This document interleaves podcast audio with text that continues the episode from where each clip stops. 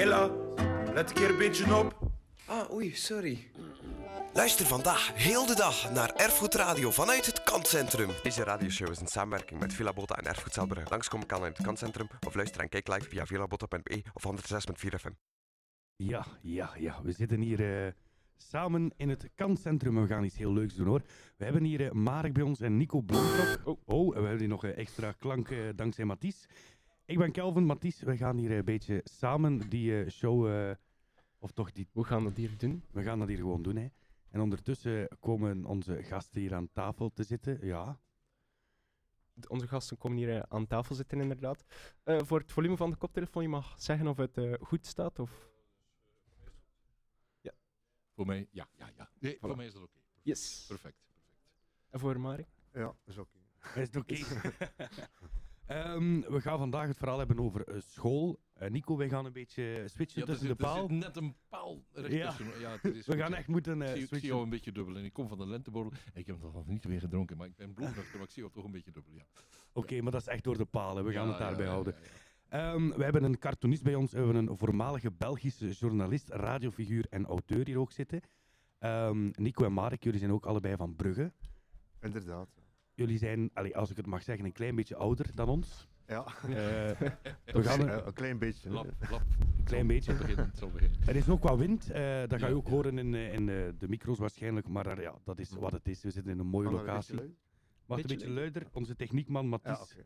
Goed? Ja. Yes. Oké, voilà. Voilà. Ehm, we gaan het vooral hebben over jullie carrière in school en daarna, wat jullie dan eigenlijk gedaan in de hogere school misschien, of niet. Eh, misschien heb je geen hogere school gedaan, heb je iets anders gedaan.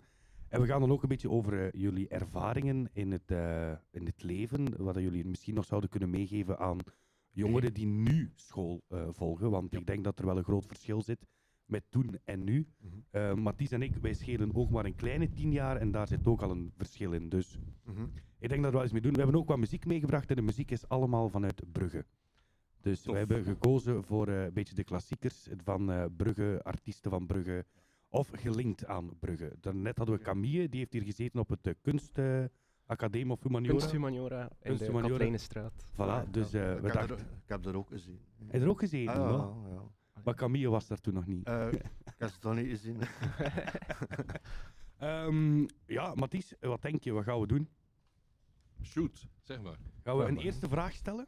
Ik zou al direct, ik zou gewoon voor de goede lancering gaan en een eerste vraag stellen, inderdaad, over, eh, over het onderwijs. over het onderwijs.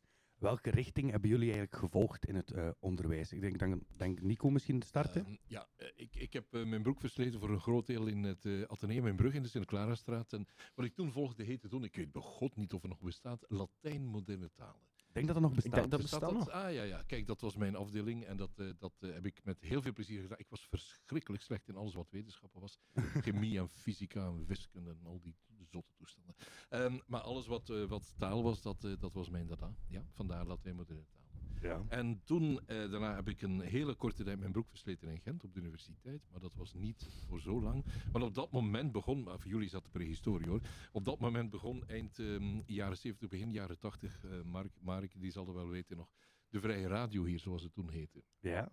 En eh, ik, was, eh, ja, ik was er blijkbaar nogal goed in. Maar dat is ook met een hele voorgeschiedenis hoor, rond de zeezenders en Miamigo en Caroline en zo.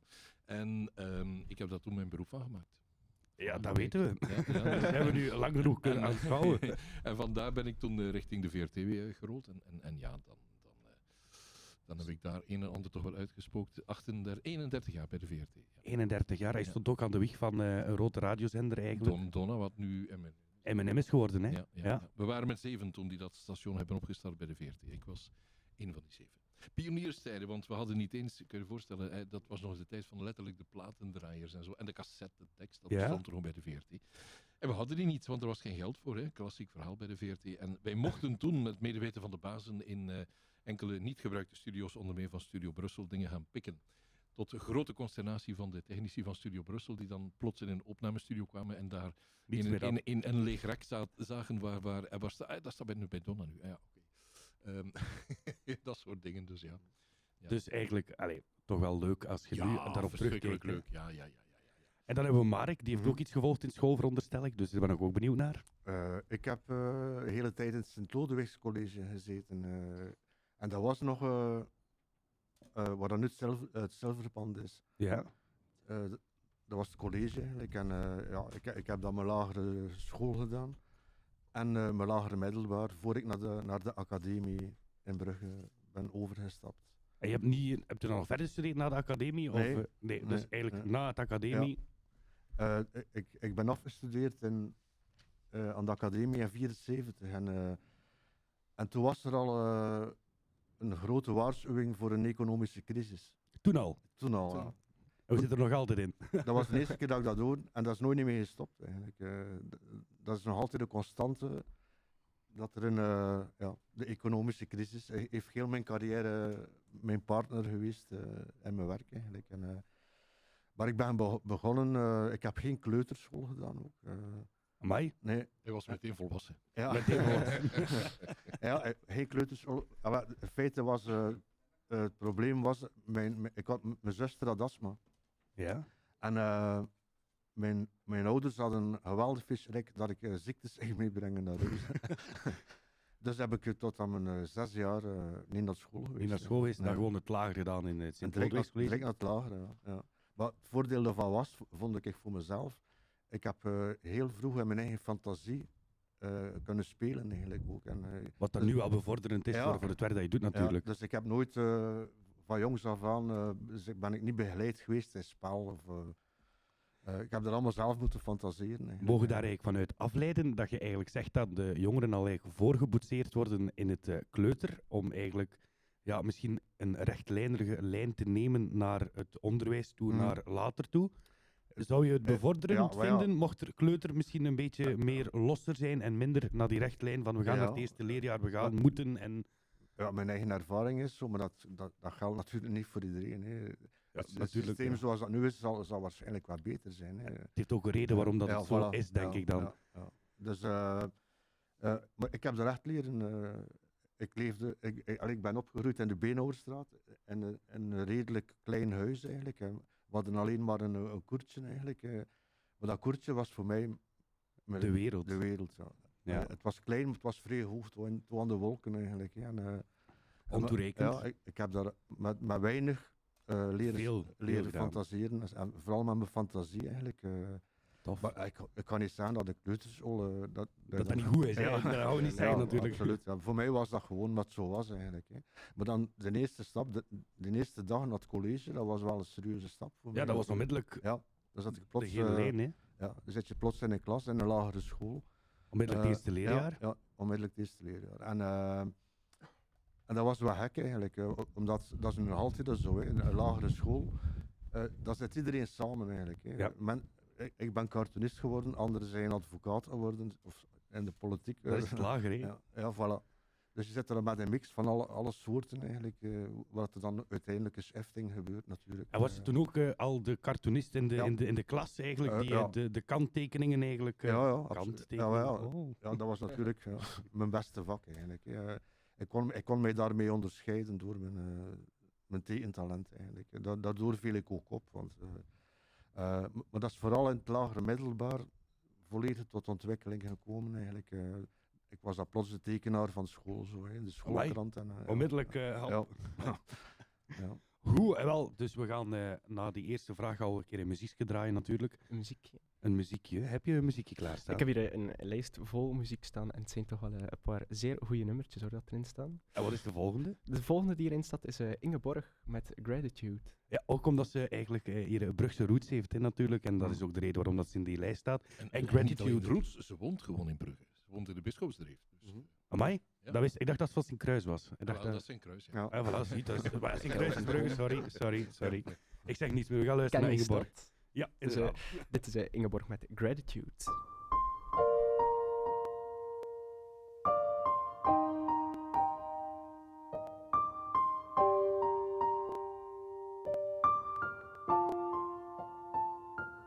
Gratitude before me, gratitude behind me, gratitude to the left of me, gratitude to the right of me, gratitude above me, gratitude below me, gratitude within me, gratitude all around me. I'm so grateful. I'm so grateful. I'm so grateful. I'm so grateful.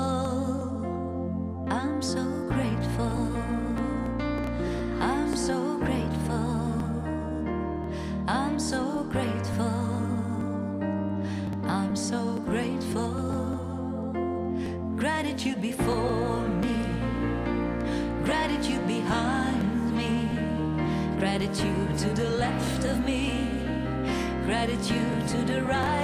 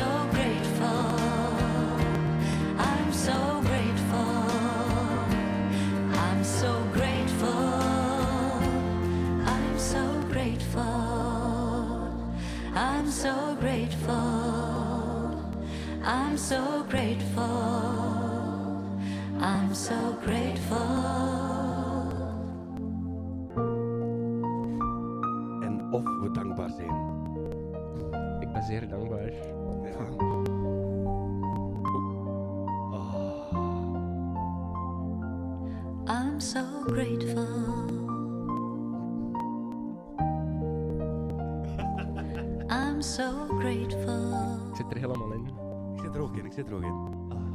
Zin, zin.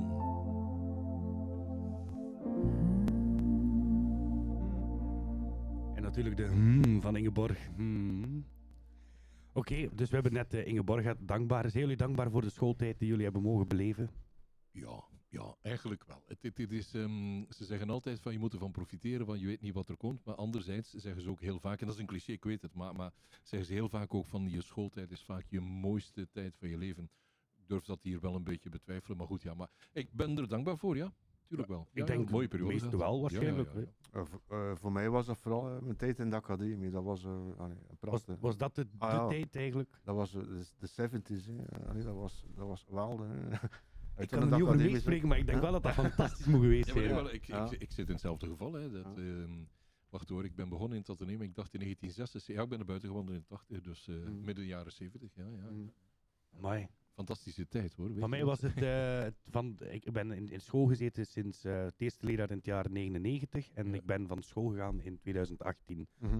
Dus ik heb, zoals je net zei, we verschillen wel een beetje. In ja, we leeftijd schelen en- wel een in, eh, beetje. ja, ja, hè. ja, er zit wel een, toch wel een generatiekloof tussen Ja. natuurlijk. Ehm, ik had het hier daarnet ook over welke studenten waren jullie eigenlijk? Wa- Hebben we het hier over strevers of hebben we het hier over een nonchalante eh, leerling die zei van eerlijk? ik kom er wel? Eerlijk, ik was verschrikkelijk nonchalant. Ik ben eh, ehm, tot grote consternatie van mijn ouders eh, een paar keer net niet buiten gevlogen waar ik zat. Ehm, en en nee, ik, was, ik was een beetje een ambetantrek. Ik liet het maar een beetje waaien. En, en, en die schoolperiode was voor mij eigenlijk één lange speelperiode. Ja, Mm. ja. ja eigenlijk wel, ja.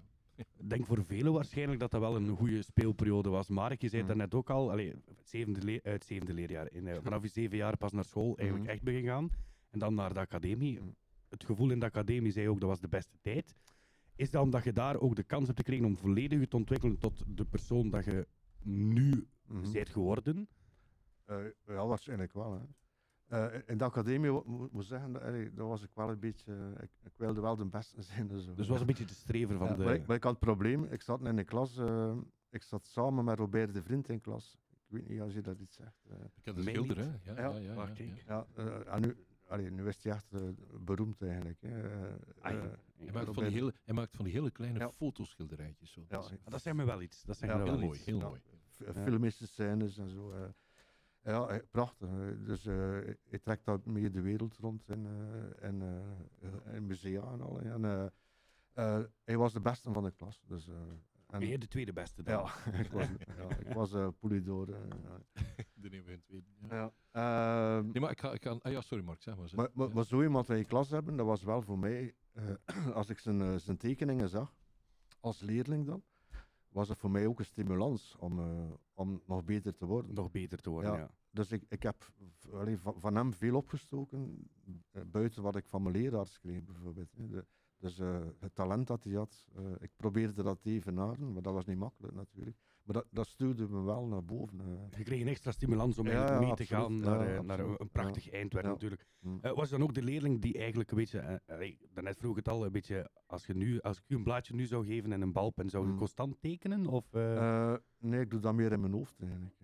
Ah, het is niet zo ja, dat je de map open doet van Mark van vroeger in school, dat je zegt van oei, al tekeningen. Maar ik heb wel altijd mijn schetsboeken bij. Nu, nu niet natuurlijk, maar eh, als ik op reis ga bijvoorbeeld, heb ik altijd eh, mijn schetsboeken mee. Eh, ik trek bijna nooit foto's. Ik, ik teken dat gewoon. Als ik ergens ben op reis. eh, ik heb zo eh, een stuk of honderd schetsboeken liggen, zo met vol met tekeningen die geen cartoons zijn. dan, Hè. Dus echte schetsen. Dus eigenlijk, we kennen u vooral van cartoonwerk, maar eigenlijk zijt je vooral eigenlijk tekenaar eigenlijk. Ja, ja, ja, ja. Denk, ja. Ja, Zoals we Nico kennen als schepen nu, Ja. maar eigenlijk, eh, Ja, voilà. als we teruggaan in de tijd, heeft hij een rijk gevulde carrière bij de Mhm. radio. Mhm. Ja, maar, Dus- maar als ik nu in de schetsboeken kijk, dan heb ik eh, veel meer herinneringen dan, dan, dan als ik eh, foto's bekijk, bijvoorbeeld. Tuurlijk, je hebt er ook je tijd in gestoken. Ja, voilà. Je zit op de Ja. locatie echt wel langere Ja. tijd geweest natuurlijk. Ja. De herinneringen ook en al die, die De foto is nu, zelfs de dag van vandaag, de foto is Ja. gewoon een gsm uithalen, Ja. klik en het is gepasseerd Ja. en we lopen door. Hè. Mhm. Terwijl als je dan denkt, als je tijd moet steken in iets, dan neemt je ook wel de tijd om gedetailleerder waarschijnlijk te kijken. Ja. Ehm, we gaan het- even een hele grote windhoos hier precies. ik hoor in mijn koptelefoon. Maar ik, zou, ik zou nog even misschien, misschien kort willen aanvullen. Weet je dat eh, mijn, mijn schoolperiode 76 was eigenlijk het gelukmoment voor mij geweest ooit om, om, om in dat radiovak te stappen. In 1976 had ik een herexamen wiskunde. Ja. In het ateneum in Brugge bij, ehm, eh, hoe heet die man ook al bij AFS wat. Ehm, en dat was in die, dat gaan jullie niet weten, want jullie zijn veel, maar Mark wel weten, de hete zomer van 19, echt een hete zomer 1976. ja, absoluut. Verschrikkelijk heet. En ik, had, ik zat toen te studeren en ik zat op mijn kamertje thuis op, eh, op Sint-Jozef. En ehm, toen heb ik de radio ontdekt. Eigenlijk is het daar voor mij begonnen, want eh, toen luisterde ik op de middengolf, wat nu heel weinig mensen nog doen, op de middengolf luisteren. En ontdekte ik de, de, de zeezenders. En nu ga ik meteen jullie vragen, weet jullie nog wat een zeezender was? Veronica. Ja, onder andere, ja, Hey, dat is Veronica. enige dat ik ken. Mhm. North Herinner je Miami zo. nog? Dat waren eigenlijk eh, bij wijze van spreken eh, vrije zenders, maar van op een schip. Hè. Dat, is, dat was een. Ik kan er uren over vertellen, maar vast wat. Maar toen op dat moment zei ik van, wauw, als ik dat ooit eens kon doen. En toen is bij mij ooit op dat moment de vlam in de pan geslaan. En toen kwam de vrije radio hier in Brugge, toen kwam later de VRT en andere toestanden. Hè. Maar, maar toen is dat voor mij eigenlijk begonnen in 19... Dus Dankzij een Dankzij herexamen een herexamen, dankzij mijn schoolperiode waar ik een verschrikkelijke vierfluiter was, is mijn radiocarrière eigenlijk begonnen, ja. Vlierfluiter. In, Ja. in, het, in het feit van student zijn of het feit van... eh, Het, eh, Weinweib und Gezang, niet waar? Eh, dus eh, ja, laat, laat maar waaien en, en uitgaan en, en, en fuiven. Niet alleen draaien, maar ook erop aanwezig zijn. En, en dus eigenlijk studeren konden, kwam zo'n beetje... eh eigenlijk konden we geen betere schepen van cultuur hebben dan eigenlijk jij, als ik het goed hoor. misschien gevaarlijke dingen aan het zeggen. Let op voor een ik heb af en toe wel- carrière. Ik heb af en toe wel een beetje gestudeerd, dat wel, ja. Ja, je was de grote student natuurlijk. Ehm, ik, ik vraag me dan ook af, ehm, als ik dan hoor dat je een beetje nonchalant was en toch wel Ja. wat eh, graag aanwezig was op de feestjes na de schooltijden. Ja, ja. Zat je dan veel in de strafstudie of was dat niet echt dat jullie iets kennen strafstudie? Ja, ja, wij, tuurlijk hadden wij, dat was woensdagnamiddag. Hè. Ik denk dat ik eh, ongeveer de helft van het jaar de woensdagnamiddagen... eh tot grote consternatie van de dames die er moesten toezicht hadden, want die moesten ook komen natuurlijk en die zaten anders thuis. Ehm, ik heb zelfs ooit een deal afgesloten met zo, met zo iemand die zei van, allee, moet ik nu weer komen op woensdagmiddag omdat je daar alleen zit. hè?" En we hebben toen gezegd van, eh, we dan iemand zeggen, we gaan dat laten vallen. En we maakten een deal zo van, dan kom dan en kom dan niet en kom dan en kom dan niet, volgens dat het voor hen uitkwam. Zo erg was het. Eh, maar straks, ja, dat bestond dus, ja. Ja, ja, dus je zit ook, je was een vaste klant, of niet? Zoiets, ja. Zoiets. En Mark? Eh, ik eigenlijk niet eigenlijk. Eh, ik was redelijk, eh allee, ik kan niet zeggen braaf, maar toch weinig strafstudies. Weinig, maar er Ja. zijn er wel geweest. Ja, het zijn er uiteraard wel geweest, maar... eh, En heb, je, heb je anekdotes dat je zegt van dat wil ik nu wel vertellen, we zijn zoveel jaar later, ehm, gewoon, dat zit te ver eigenlijk. zit te ver. Maar ik vind het wel straf eigenlijk dat... eh, Nico is, eh, heeft veel strafstudies gekregen en is epo van de cultuur geworden. Ja, ja, ja. Ik niet, ik ben cartoonist eigenlijk. Eigenlijk klopt er iets niet. eh. Iets, eh, inderdaad, dat is wel iets raars. Maar blijkbaar ziet het, hè, ook al is je schoolcarrière iets anders gelopen, Mhm. je kunt nog alles worden in je leven wat je wilt. Hè. Mhm. Ehm, dan denk ik ook even na over eh, de tijd die we nu al eh, gespendeerd hebben. Gaan we nog een liedje? 23 na 2. We gaan nog een liedje, Nog een liedje? draaien. Eh, Mark, ik weet niet of dat jij kunt blijven nog. Ja, ja, absoluut. Is het geregeld? Ja, ja. Oké, fantastisch. Dan blijven we hier nog wel een, eh, tot vier uur zitten. We gaan nog een plaatje draaien dan, hè? Eh, we zijn hier allemaal van Brugge. Ja? Ik heb hier een liedje, zie je van Brugge. Ah ja, Zet je mag. van achter. We gaan niet naar van achter, we gaan hier blijven zitten. Ja, maar ja. Kelvin. En nu allemaal het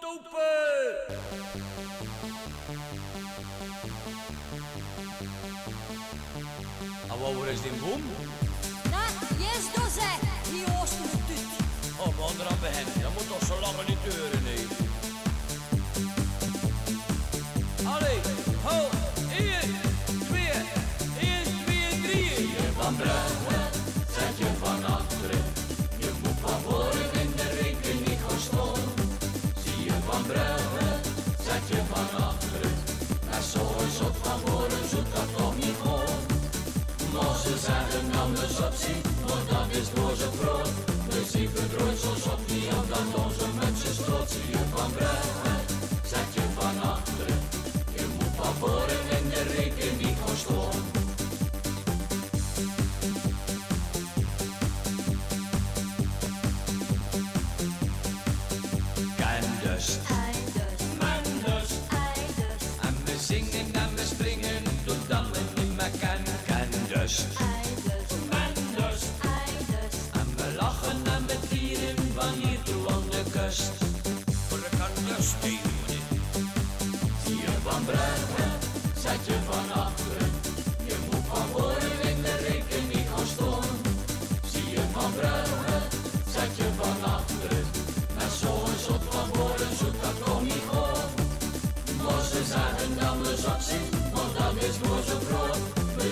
verdrooid zoals op niet op dat onze mensen stoot. Zie je van Brugge, zet je van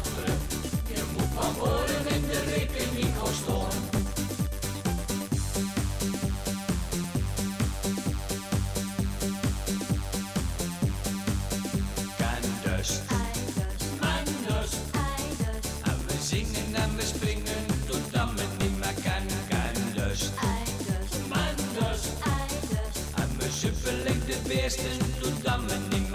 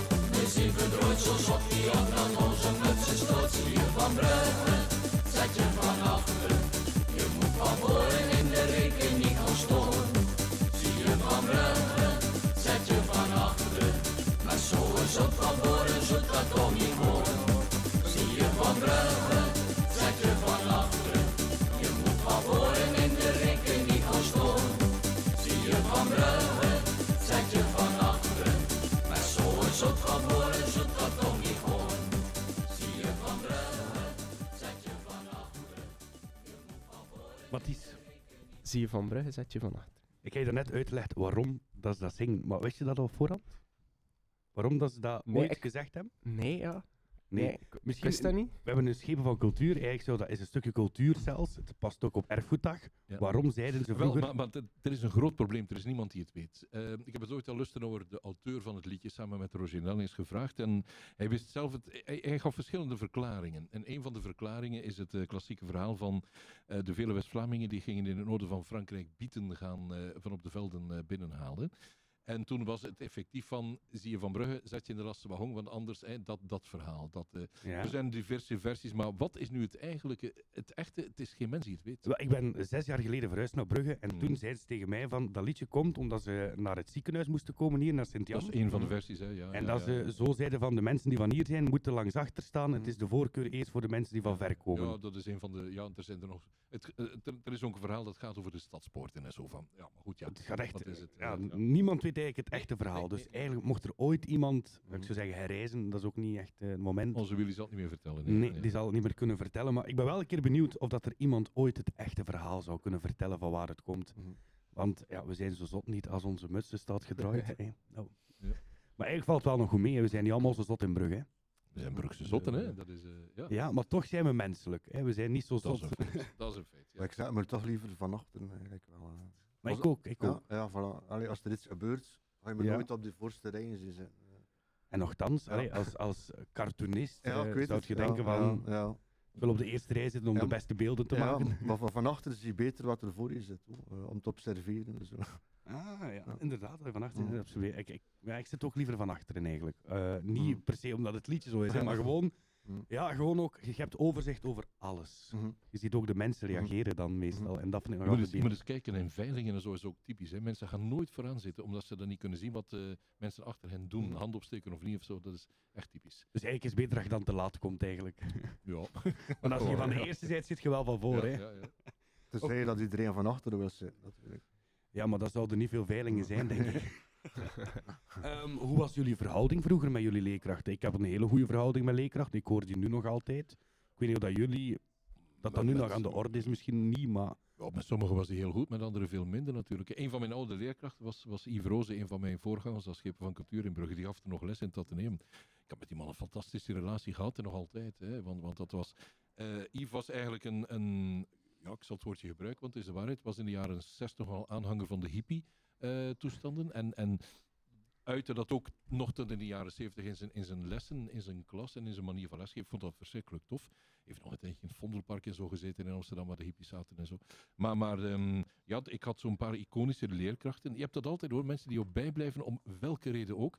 Heel slecht of heel goed. Ehm Yves is nu een voorbeeld van iemand die mij in zeer positieve zin is bijgebleven. Ik had ook nog een, een leerkracht die heette eh, Jacques de Wale, is Wijlen intussen. Ehm, een man die, die, die zeer vooruitstrevend was, ehm, wat ouder van leeftijd, maar zeer jong van geest. Ook dat soort mensen blijf je natuurlijk bij.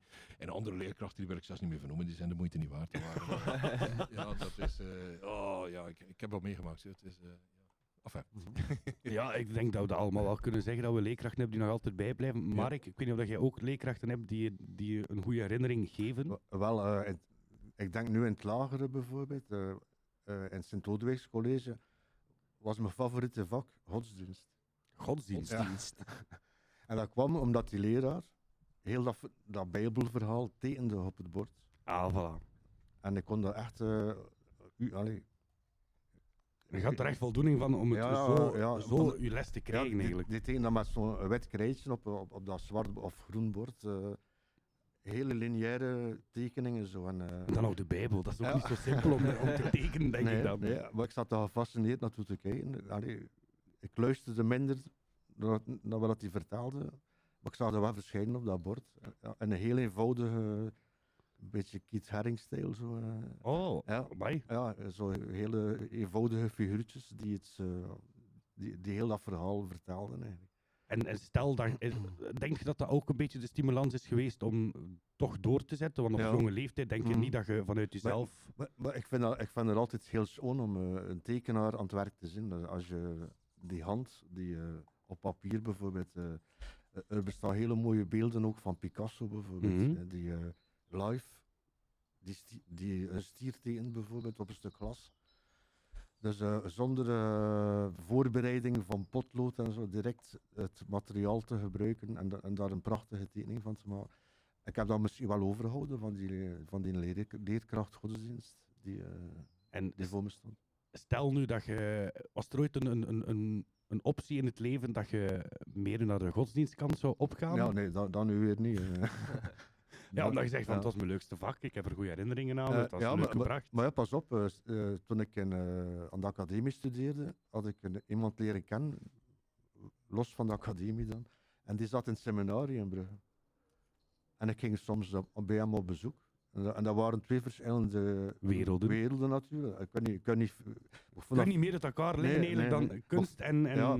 Maar hem geloofde hij in God en voor mij was dat, ja, waren dat kunstenaars, Picasso en Rodin en al, dat waren mijn goden eigenlijk. En, eh, maar dat was wel een boeiend, eh, een boeiend moment iedere keer, zo, om, eh, hier in het seminarie. Ja, in het seminarie, in, alle in een van die kamers. Ja. In alle stilte. ja, Ah. ja. Maar ik, ik, allee, ja, ik sluit dat niet. Ik luister naar iedereen. Hè, dus ik vind dat mijn taak ook als... eh, Maar het is niet zo dat je ooit hebt gedacht van, ik ga naar het eh, nee, nee, nee, absoluut niet. Totaal nee. niet, Nee, nee. Maar ik was ook al goed hè, in, eh, in godsdienst. Ja? Ik, was, Ja, ik, ik ja. kwam ook altijd uit met de 90, 92 procent Ah, van godsdienst. Omdat ik dat tof vond, verbeelding, fantasie. Mhm. ja, godsdienst. Ik weet niet, Nico, jij iets met godsdienst? Ehm, ik heb, ehm, wacht hoor, ik ben begonnen met godsdienst, maar ik eh, lag toen in de kliniek met mijn leerkracht godsdienst en ben toen overgeschakeld op zedeleer. Op De laatste drie jaar van het ateneum heb ik eh zedeleer gevolgd, ja. ja, ja. En, en, en ik heb me dat eigenlijk wel beklaagd, want die, die, dat was eigenlijk wel een toffe mens, maar we begrepen elkaar verkeerd op het verkeerde moment. Ik heb daar achteraf ook bijgelegd, dat was eh, trouwens, ik kan zijn naam gerust noemen, dat was Joris Barbier, de, de vader van Thomas Barbier van de boekhandel De Ja. Reiger op de Markt. Hè. Die, die man gaf godsdienstles. Eigenlijk een heel, maar goed, ja, we zijn geclashed op een bepaald moment, maar we hebben dat achteraf alle twee bijgelegd. En we zijn nu de beste vrienden. Maar ehm, dat Top. is de reden waarom ik ooit ben overgeschakeld van godsdienst naar, naar zedeleer. We hebben hier ook Mathies zitten. Mathies Ja, valt zeker. soms een beetje in de stilte Ja. weg hier eh, tijdens onze gesprekken. Maar Mathies, wat volg jij, godsdienst of eh, zedeleer? Ik, ik volg godsdienst, maar ik stop de Groene Poorten en daar, eh, daar is er enkel godsdienst. Mhm. Is dat volledig godsdienst? Ja, alles is Ja. daar. eh, Ik heb ook enkel maar godsdienst zedeleer. gehad. Ik heb zelfs, ik denk de eerste jaren in het lager was sowieso met een pastoor die kwam lesgeven bij ons. En dan in het middelbaar denk ik dat ik tot derde middelbaar echt een, eh, Mhm. een non had die het eh, kwam uitleggen wat eh, godsdienst was. Ja, maar hoe dan ook. allee, eh, toen aan mijn kinderen naar school gingen, hè, moesten ze ook kiezen tussen godsdienst en zedeleer. En voor mij was dat, allee, ik vond dat niet evident zo. Want aan de ene kant dacht ik, ja, volg maar zedeleer. Ze hebben dat toen ook gedaan. Maar toen, eh, als ze godsdienst volgen, weet je ongeveer wat ze te horen krijgen in je kinderen. Ja, zedeleer is heel ruim. ja, dan, dan is dat de leer van juffrouw Sophie of zo. Die, die, die komt zeggen wat de wereld in elkaar zit. Hij weet er niks van eigenlijk. En elke leerkracht heeft nog zijn eigen visie in, in die zedeleer. Eh, de ene Ja. kijkt liever naar films en doet het aan de hand van films. Ja. Anderen doen het met eh, cartoons. Mm, voilà. Het is, ehm, ja, het is heel uiteenlopend. Ehm, dan denk ik even na. Mathies, wil jij iets zeggen over het onderwijs? Maar jij zit er nog in, hè? Ik zit nog in ton. Ik zit nu in het vierde middelbaar, dus ik zit er echt nog eh, volop in. En dan ga je naar het groot seminarie. Groot seminarie. Ja, oh, ja, priesteropleiding en zo, is dat? Ah, welke ah, opleiding? Ah, ja, maar ja, Ik ik ben- dat, ja, maar we waren over het seminarie, dus dacht hij, ja, maar nee, oké. ja. Ah, nee, ja. Eh, het eh, groot seminarie is waar dat de, de pastoors worden opgeleid. Ah, Vroeger was dat heel bekend Nee. en waren heel veel leerlingen. Nu denk ik dat ze niet meer zoveel leerlingen hebben. Dus denk als, niet. je er een nieuwe lichting wilt zijn. Er eh, is, eh, er is zelfs geen priesteropleiding meer. Ik Dus, ging net eh, vragen, die, die opleiding is er toch niet meer? Nee, die is er niet meer. dus als je nu wilt eh maar ik kan je wel een paar worden... adressen geven, dat is wel nog eens hoor. Dat is geen Ah, maar ja. De, de interesses liggen toch een heel klein beetje anders. Ja, ja, ja, ja. Het is ook met brood hè, en eh vermenigvuldigen, dus... eh, Want mijn, mijn, Allee, hou. mijn Peter was een priester.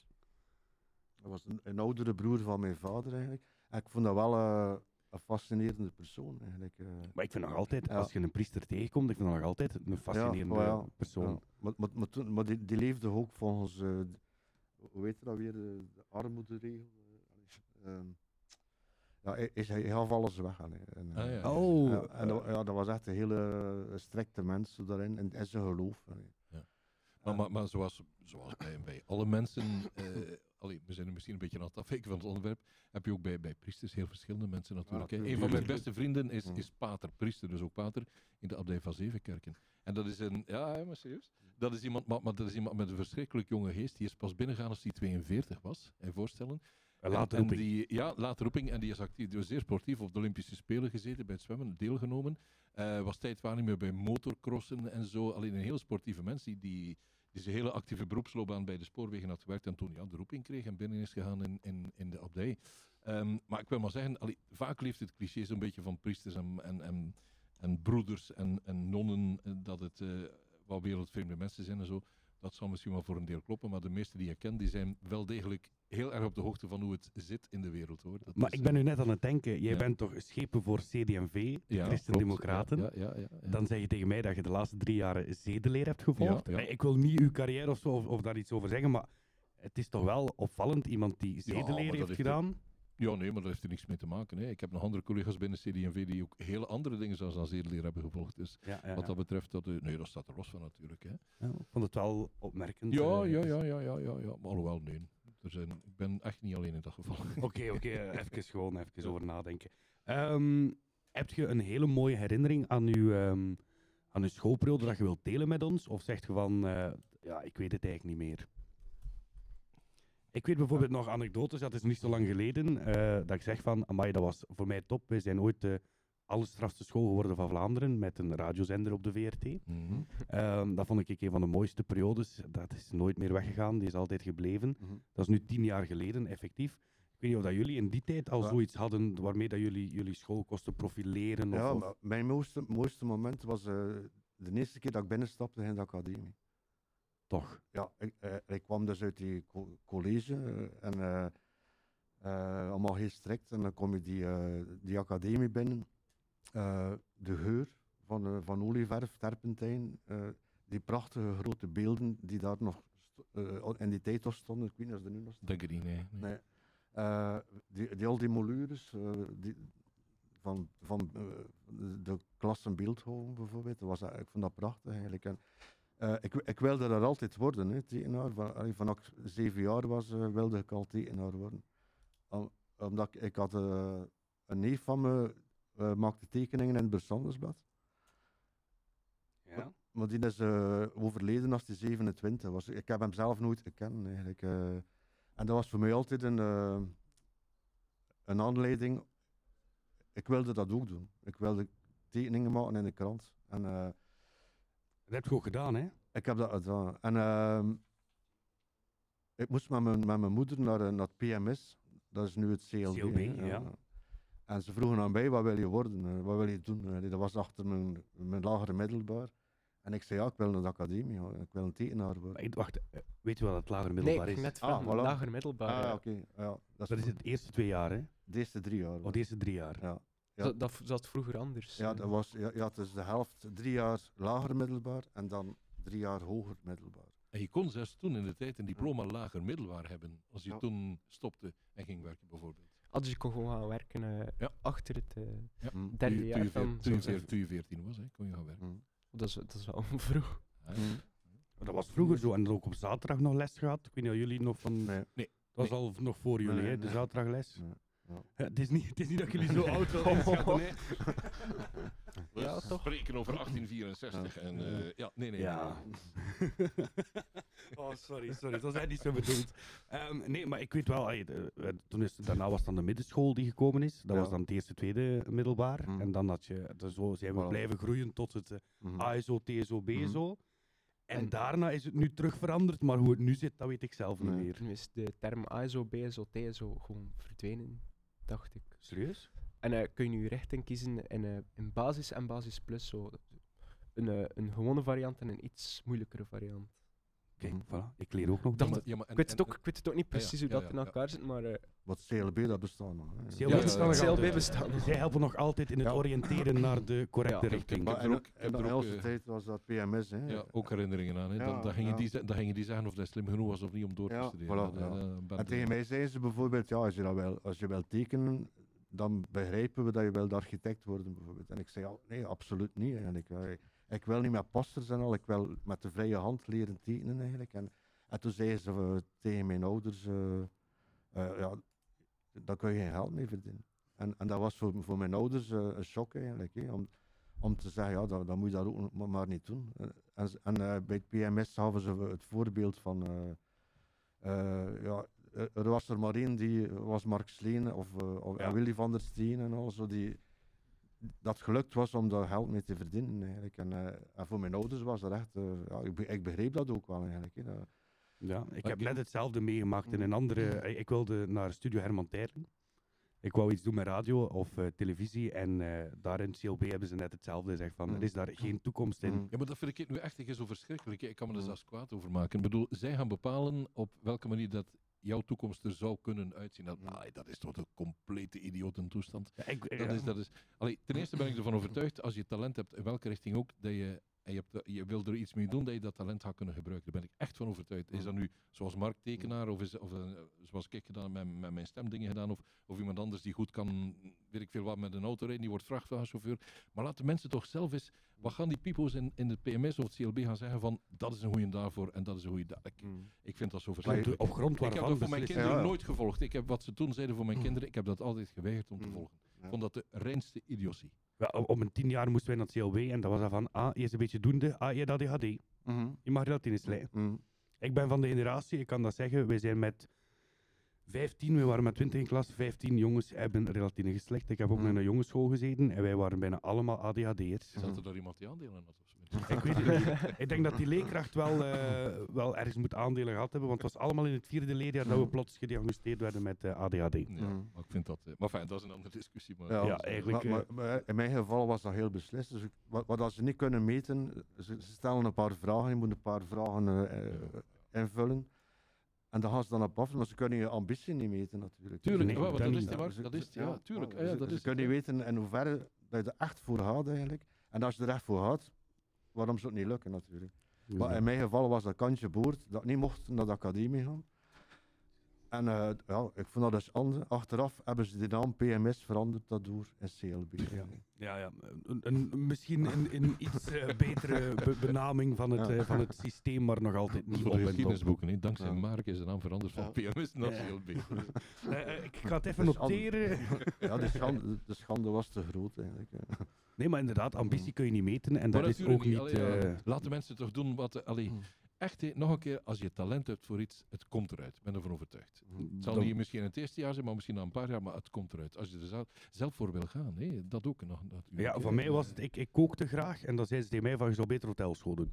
Hm. En ik had zoiets van, ja, maar ik wil dat niet doen, want dat is werken in het weekend en dat is avonds werken en, Hm. en iedereen is gaan feesten en Hm. dit en dat. Ah, maar dat past best bij u en uw ouders komen ook vanuit de horeca, dat gaat perfect, perfect. En zo geschiedde dat ik hotelschool heb gedaan. En eigenlijk nooit heb kunnen doen wat ik wou, want ik wou ja, Hm. Studio Herman Teiling Trits of eh, de Maar het is nooit te laat om te doen wat je wil doen. Daarom zit ik hier bij Villa Ja. Bota. Voilà, ja. Dus Waar een wil is, is een weg. Maar is het voor mij nog niet te laat om nog iets anders ik denk dat het voor ons te laat is, maar... alhoewel, alhoewel, de grootste carrière switch dat heb jij toch Ja. een paar jaar geleden gedaan. Hè? Jij Ja, en van- iedereen verklaarde mij de grootste hek van België, bij wijze van spreken, maar ik heb het toch gedaan, ja. ja. Ja, maar het is... allee, Ja, ik, wil, ik, wil, ik wilde altijd schepen van cultuur. het is nog nooit te laat, hè. je kunt nog altijd onderhandelen. ik, heb op- ik tekende graag en ik wilde eigenlijk cartoonist worden. Ah, voilà. dus, maar is het helemaal serieus? Oh, schitterend. Nee, maar het is, het is zelfs... Ja, ja, maar ja, goed, ja, op een bepaald moment moet je dan... eh, ah, koffie, ja, nog een koffietje, alsjeblieft. Ehm, maar op een bepaald moment... ehm, ik deed dat doodgraag, ik doe het nog altijd graag, want meestal nog altijd verschrikkelijk. Maar op een bepaald moment heb je dan het aanbod en heb je dan mogelijkheden. En De dan kans. zeg je de kans. En dan zeg je van, oké, ik ga het eens, ik ga het eens eh, proberen. Hè. En, Maar je hart is Ja. ook altijd bij Brugge gebleven. Hè. oh, ja, ja, tuurlijk, tuurlijk. Ik heb nog geluisterd naar u vroeger, hè. Eh, toen dat je nog op de radio werkte, vooral bij Radio 2 dan. ja, ja. Ehm, s morgens in de ochtend, eh, dat was Nico Blomtronk, hè. Bedoel, Ja, dat was maar normaal. 21 jaar het ochtendprogramma gepresenteerd. En 21 toen jaar. plots kwam het bericht van eh, dat je je zou op de lijst plaatsen, dat je daardoor zou stoppen bij de radio, nog één jaar doorgewerkt achter de schermen. Ehm, dat was voor iedereen een grote shock en niemand eh, begreep precies wat dat er toen gebeurde. Eh, mijn voorliefde voor Brugge, ik ga het zo samenvatten. En het idee ook van, op dat moment was ik, eh, even stellen, was ik 56 op dat moment. En toen dacht ik van, oké, ik heb nu nog één mogelijkheid om misschien nog wel eens wat anders te doen voordat ik met pensioen ga. En iets Eh, bij te dragen dan de mooie stad Brugge. En, en vooral, ik wilde iets doen in Brugge. En, en ik ga nu wat zeggen, eh, je moet dat niet geloven, maar het is ook, ben ik eigenlijk geen echte politieker. Ik ben iemand die, die, Dat die, ik. Brugge, die Brugge graag ziet. Dank je, Mark.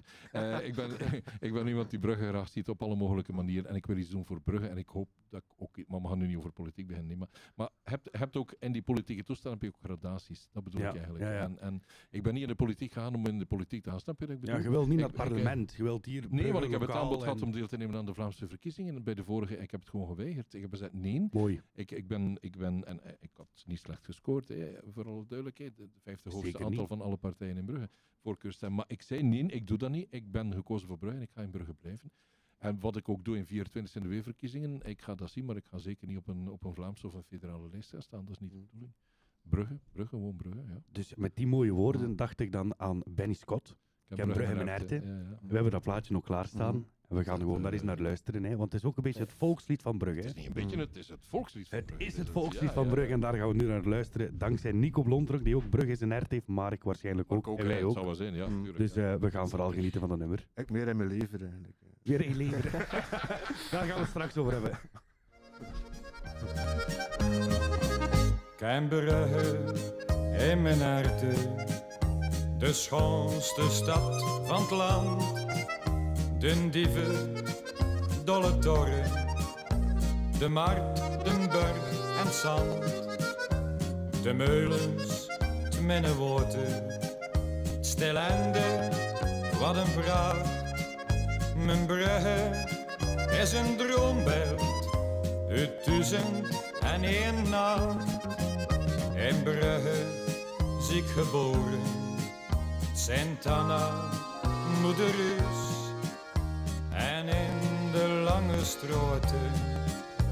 Door elk mijn eerste kus. De jaren aangevlogen, van kind tot grote maas. In Brugge verder leven, dat is mijn grootste waas. Cambrugge in mijn de schoonste stad van het land. De dieven, dolle toren, de markt, de berg en het zand. De meulens, het minnewoten, het stilende, wat een pracht. Mijn brugge is een droombeeld uit duizend en één nacht. De dag zal komen, ik weet het wel, De wet van het leven is al zo. En dat geldt ook voor mij. Maar als ik afscheid nemen van die stad, wordt dan mijn wier gestoeld. Zoek haren als het zo ver komt. Rusten in Brugsche grond. Want kan Brugge in mijn de schoonste stad van het land. De diever, dolle toren, de markt, de berg en het zand. De meulens, te minnewoten, stilende, wat een pracht. Mijn brugge is een droombeeld uit duizend en één nacht.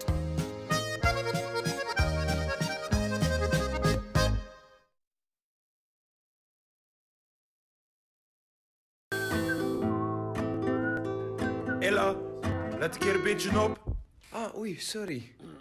Luister vandaag heel de dag naar Erfgoedradio vanuit het Kantcentrum. Deze radioshow is in samenwerking met Villa Bota en Erfgoed Zelbrugge. Langskomen kan in het kantcentrum of luister en kijk live via villabota.be of 106.4 FM. Amai. Hele boterham. Een hele boterham. Maar we hadden het over Brugge en mijn herten. Ehm, we gaan even doordoen in de erfgoedcultuurcel. Ja. Ehm, zij komen binnenkort, of Benny Scott komt binnenkort terug naar de Brugge Trippeldagen. Ja. Hij treedt dus eigenlijk niet meer op, maar hij heeft beloofd, zolang, hij wordt nu 83. Hè? Dus zolang hij kan, gaat hij nog dat ene liedje, dat volksliedje zingen op de derde dag van de trippeldagen tijdens Vlaanderen zingt. Brugge. En ik zweer het je, nee, ik, heb, ik heb jaren daar gepresenteerd. Als je die Mart hoort zingen, en daar staan toch 10, 12, 13.000 mensen. Op een bepaald ogenblik wordt de muziek helemaal weggetrokken en zingt die hele markt a cappella kan Brugge mijn hart. Dat krijg je kiegeval van. Ja. echt waar. Dat is, eh, ik, ik kreeg het zelfs nu al. ja, dat is, eh, maar je moet er echt eens meemaken, serieus hoor. Ja, ik ben, ik ben eh, wel, ik ga eerlijk zijn, door corona nu niet, maar daarvoor ben ik toch wel een van de vaste klanten eh, Ja, op ja, eh, ja, de ja. Brugge, Brugge Trippeldagen. Dan kom je dit jaar naar Samson en Marie kijken. mm, Ja. ja. naar Marie, hè. Snoeper. Ja, ik bedoel, ik ben opgegroeid met Gert, hè. Ik bedoel, Ja, als ja, er nu een vrouw in de plaats komt, ben ik altijd wel op de eerste rij te vinden, denk ik. Ja. Jij zit toch ook opgegroeid met Gertje? Ja, maar ik, ik kijk daar niet zoveel naar. Ah, ik wel. Ik was niet zo'n echt, eh, in het geheel. Ja, maar dat was ook zo'n beetje mijn jeugd. Mijn, mijn, mijn, dat was ook tijdens mijn... En later toen was dat ook voor mijn toetsen voor te bereiden en mijn huiswerk te maken. Dat, eh, dat, dat was om 4 uur 30. Dat speelde dan op tv en dan kijk je daarna, hè. Ja. Ja, Maar wij- zeg, hè. Wij zijn niet sowieso meer van de YouTube en al. hè. Ja, dat Dus is wij moeten daar niet meer zo, zo timen. Hè. Nee, nee, nee, inderdaad. als wij dat intypen, dan hebben wij dat gewoon. Nee, wij moesten echt thuiskomen en een tv opzetten en kijken naar eh, Gert eh, en Samson. Mhm. Ehm, maar om nog terug te keren naar de schooltijd van jullie, hadden jullie liever vroeger op school, dat heb je ook gedaan, of eh, liever nu op school gezeten? Mhm. Als je weet welke druk dat de jeugd nu krijgt. Ik denk dat die druk eerlijk gezegd toen even groot was. Ik vragen, is, is, Ja, is die wa- druk... Waarom, waarom zou de druk nu groter zijn of minder groot? Sociale media en al, al, alles Maar daar rond hadden- en al die andere- verschillende toen hadden wij richtingen. andere dingen die, die... Ja, we waren ook met dingen bezig. Hè. Toen had je natuurlijk geen sociale media, maar wel dingen bezig. Ja. Ben je gepusht geweest van thuis uit richting een, een, een richting in school of, of heb je ook de vrije keuze nee, nee, gekregen? gelukkig. Ik heb van mijn ouders eh, gelukkig de, de vrije keuze gekregen. En dus dat- PMS werd niet gevolgd. Op dat moment, nee, natuurlijk niet. Tuurlijk niet. Dat was pas later, hè, toen, toen, toen ik al in die afdeling zat en toen ze zeiden van, bepaal, elke om de zoveel tijd werd je toen geëvalueerd, en zeker als je Ja. dan met was. En toen zeiden ze dan, en toen zeiden ze van, het jaar erop zou je niet beter dat volgen, of zou je niet beter dit, of zou je niet beter dat. Of als je afstudeerde van, ja, wat ga je nu doen? En, eh, ja, dat bedoel ik, hè. Dus op die manier deden ze het. ehm. Maar het was niet zo dat zij heel veel... Allee, ze, ze richten wel naar uw ouders toe van, je kunt naar daar of naar daar. Oh, maar maar mijn ouders zijn vaak bij hen geweest om, om eh, op audiëntie te gaan over hun zoon die weer dit en dat had uitgesproken en die onmogelijk was in de school en zo. Dat, eh, Oké, Een beetje gelijklopend met mij dan, denk ik. Eh, ehm, als je terugkijkt op je schoolperiode, had je dingen misschien anders gedaan? Of heb je zoiets van, mijn pad was goed en ik ben er wel tevreden van? Mark? Ja, ik, ik, ik ben tevreden. De- eh, ik heb dus niet meer eh, eh, verder gestudeerd achter mijn academie. Dus ik had de mogelijkheid wel om, eh, om eh, leerkracht te worden, bijvoorbeeld. Eh, allee, bij mij thuis was het niet zo dat er eh, de grote middelen waren om eh, mij naar, eh, naar, naar Gent of Brussel te sturen. Ehm, dus ik heb ervoor gekozen om direct bij, te beginnen werken, ook op advies van mijn leerkrachten. Die eh, eh, als je werk vindt, ne- neem het aan. Dus ik heb dan eh, een tijd in een... Dus je geloofde eigenlijk niet echt in u, hè? Eh, Als je dat hoort van, gaat beter naar architect geweest, Ah, dan ja, nu ja. dit en dan... Ja, maar ja, dat was ook niet evident, omdat in mijn familie was er geen cultuur zo van... eh allee, cultuur bedoel ik dan... Wel, maar niet op het gebied ja. van gaat tekenaar Ja, worden en cartoonist. worden, En... eh, Die speelden op veiligheid eigenlijk. ja. Dus ik heb toen de hele tijd in een Brugse drukkerij als ontwerper gewerkt. Maar dat was niks voor mij natuurlijk. Nee, dat, Het was niet ja. vrijheid. Want ik denk dat voor jou vooral vrijheid belangrijk Ja, is. Ja, ik was 18 jaar en dan kom je plots eh, ja, eh, in een heel ander milieu terecht eigenlijk. Dan heb je plots co- collega's van, eh, van, van, van in de 60 jaar zo, die, die naast je zitten zo, en dat is allemaal heel bizar. Dus ik heb dat wel, wat ik wel gemist heb, is eh, het leven eh, dat, dat je dat je Gent of in Brussel op kot en al, dat kotleven. en, Ik ook geen kot leven gehad, Ja, dus ik kan ah, er ook niet over ja. meespreken. Dat heb ik wel gemist eigenlijk. Dus, eh, Of studentenverenigingen of zo, dat ken ik ook allemaal niet. Ik ben echt, Ja. ik ook, ach- achter mijn Mhm. laatste jaar ben ik ook gewoon richting het werkveld getrokken en Mhm. ben ik toen drie jaar in de horeca terechtgekomen, ja, gewoon Ja. gevolg van de studies en blijven werken. En dan pas daarna begint je te denken van eigenlijk, ik wil meer, ik wil anders, ik wil, ik wil dit of ik wil dat. En bij mij was dat toen, eh, ik ga naar eh, een vervoersmaatschappij en ik ga rondrijden met een bus. Mhm. En dat doe ik hier in het mooie Brugge, dus eh, Mhm. nog altijd, na drie jaar, nog altijd even gelukkig met die job. Ja, Ehm, maar, maar ik heb dat wel gevraagd. Zo, eh, allee, ik, ik, ik had altijd het gevoel, ik, ik ben hier iets aan het missen eigenlijk. eh, omdat ik nu direct ga beginnen werken. En ehm, als ik dat dan hoorde van mijn, van mijn oude klasgenoten, die, dan wel, die wel verder studeerden, die zeiden ook, ja, in feite, zoveel meer leren wij niet bij. Want die opleiding in de academie was wel heel intens. Als je daar buiten kwam, dan kon je wat tekenen eigenlijk, en schilderen. En voor mij eigenlijk, eh, ik heb eigenlijk eh, mijn beste leerkrachten waren eigenlijk deze die ik zag hangen in de musea, die ik in strips en boeken. eh, Mhm. Wie was uw grote voorbeeld dan voor u? de, bijvoorbeeld de tekenaars van Charlie Hebdo. Eh, de Harakiri was er toen ook nog. Dat waren ook een beetje dezelfde tekenaars, maar eh, die vooral eigenlijk hebben mij geïnspireerd eigenlijk. En, dat eh, doe je nu zelfs, dag van vandaag nog ook altijd, met uw eigen cartoons. Je heeft een andere blik of een andere kijk Ja. op de maatschappij dankzij uw cartoons. ja. En die zijn meestal wel goed raak, denk Mhm. ik. Als ik dan sommige cartoons heb Mhm. bekeken en ook Mhm. nog in de krant vroeger, waren dat echt wel cartoons die wel af en toe wel een keer durfden. Ja, maar dat was echt geïnspireerd. Allee, natuurlijk, bij ons hier in, in, in Vlaanderen bestaat er geen Charlie Hebdo. Hè. Wij hebben, wij, daarvoor is de markt te klein. om zo'n blad uit, te- uit te brengen zonder eh, reclame. Zo, en, eh. Ja, het is moeilijk. Dus het al is die tekenaars moeten betaald worden. En al. Maar, maar voor mij waren dat mijn grote voorbeelden. En nog altijd eigenlijk. Ook- al zijn de meesten dood door die aanslagen natuurlijk. eh. Deze vrouw Mathies, weet je Charlie ja, Hebdo? ja, ja, ja. Mm. Dat, dat weet ik dan wel. Ja. Ja, omdat het ook al een paar jaar terug is gebeurd, allemaal. Eh, heel ja, die... 15. Ja, in 7 2000. januari 2000 2015. Zot, hè. Ja. Maar we gaan proberen het positieve er dan over te houden, natuurlijk. Ehm, ik heb hier ook, eh, ik heb ook even wat opgezocht van jullie. Ehm, je hebt ook een café in Brugge, een, een cartooncafé. Ja. Ehm, wat mogen wij daar verwachten eigenlijk? Mogen wij daar gewoon binnenkomen? En... Ah, natuurlijk. Ja. Natuurlijk. Ja, waar kunnen we die vinden? In de Sint-Jacobstraat. Ja. Eh, dicht bij de Eiermarkt heb ik daar eh, mijn kleine plekje. En zit je daar veel om te tekenen ook? Of, Ehm, of is nee, dat nee, nee, nee, nee. niet aan de Ik orde? ben daar niet zo heel veel natuurlijk. Maar eh, ehm, we zijn ooit begonnen in 2014 in Brussel eigenlijk. Eh, daar zijn we echt met een collectief van alle Belgische perscartoonisten.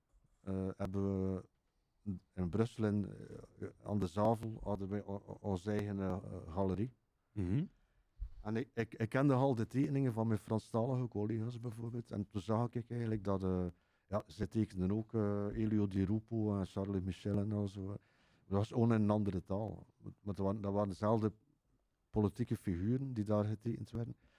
En toen dacht ik, ja, eh, dat is eigenlijk jammer dat wij Vlamingen die Franstalige tekeningen niet zien en omgekeerd. Nog, Ja. nog veel meer, want daar, daar kenden ze helemaal niks van, eh, van de Vlaamse pers eigenlijk. hè. Weinig. Ja. En, en mijn bedoeling was, we gaan dat een keer samenbrengen. En samen ook gaan we dan tentoonstellingen opbouwen in Brussel. Maar dan op grotere locaties. En eh, we waren een paar weken open. En eh 100 meter van onze deur was er al een aanslag op het Joods Museum. Het Joodse Museum. Ja, en, ja, eh, ja. en dan is het niet meer gestopt eigenlijk. Dan, dan, dan had je de aanslagen in Brussel. En op een duur liepen er meer paras voor mijn deur dan, men- dan Brusselaars of, of, of toeristen. Maar ja, dat was eigenlijk wel een rare tijd ook, Ja, die periode. Ja, ja, en toen hebben wij ook eh, het tekenaars uitgenodigd uit, uit Frankrijk. eh, en eh, ja, dat, dat was een tekenaar van Le Monde. En die werd met de staatsveiligheid van onze deur afgezet. En, en ik moest aan de voordeur staan om iedereen binnen te laten. Die, en als ik iemand verdacht zag, moest ik dat melden aan iemand van de staatsveiligheid die aan de overkant van de straat. Eigenlijk nog En een toen zotte hebben we- tafereel ja. eigenlijk, hè? En ook, ja, eh, mijn, mijn dochter deed dat eigenlijk. eh, en mijn vrouw stond daar ook. eh. iedere avond was ik blij als ze terug thuis waren eigenlijk. En eh, toen dachten we, ja, moesten we nu een keer in Brugge. Het is hier toch iets gerustiger.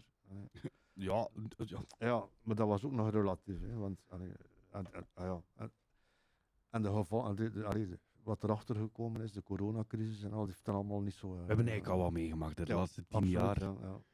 Ehm, ik, ik, vond, ik heb gezegd, ik heb even opgezocht, uw eerste cartoon verscheen in de Brugse Uitkrant en wordt vervolgd. Mhm. Ehm, u werd vooral opgemerkt in 1993 voor uw dagelijkse cartoons. Mhm. Ik vind het nog altijd fantastisch dat ik hier vandaag met u en met, met Nico mag zitten natuurlijk. Want eh, ik, heb u, ik ken u van Klein Manneke, Mhm. tekenaar in de krant eh, dat ik zag en Nico van op de radio. Ehm, maar Mathies, heb jij kennis van het, het vakgebied van, van Marek? Eh, niet, niet zo heel erg eigenlijk. Nee? Nee. Eh, niks dus. Nee. ja, ik wil het toch nog iets genuanceerd doen. Maar ja, het is een, het is een cartoonist in de Echt. krant. Dus ik denk ook, ja, we hadden het er net al voor dat we starten. Ik denk, eh, kranten lezen, dat dat nu niet meer bij jullie... Nee, dat is, dat is iets dat ik eigenlijk nog nooit, heb, eh, nog nooit echt heb gedaan, hè, krant lezen. Dus het is meer de apps, hè, dus Mhm. daar komen niet echt cartoons in voor. Hè. Dan volg je de actualiteit dan en zo.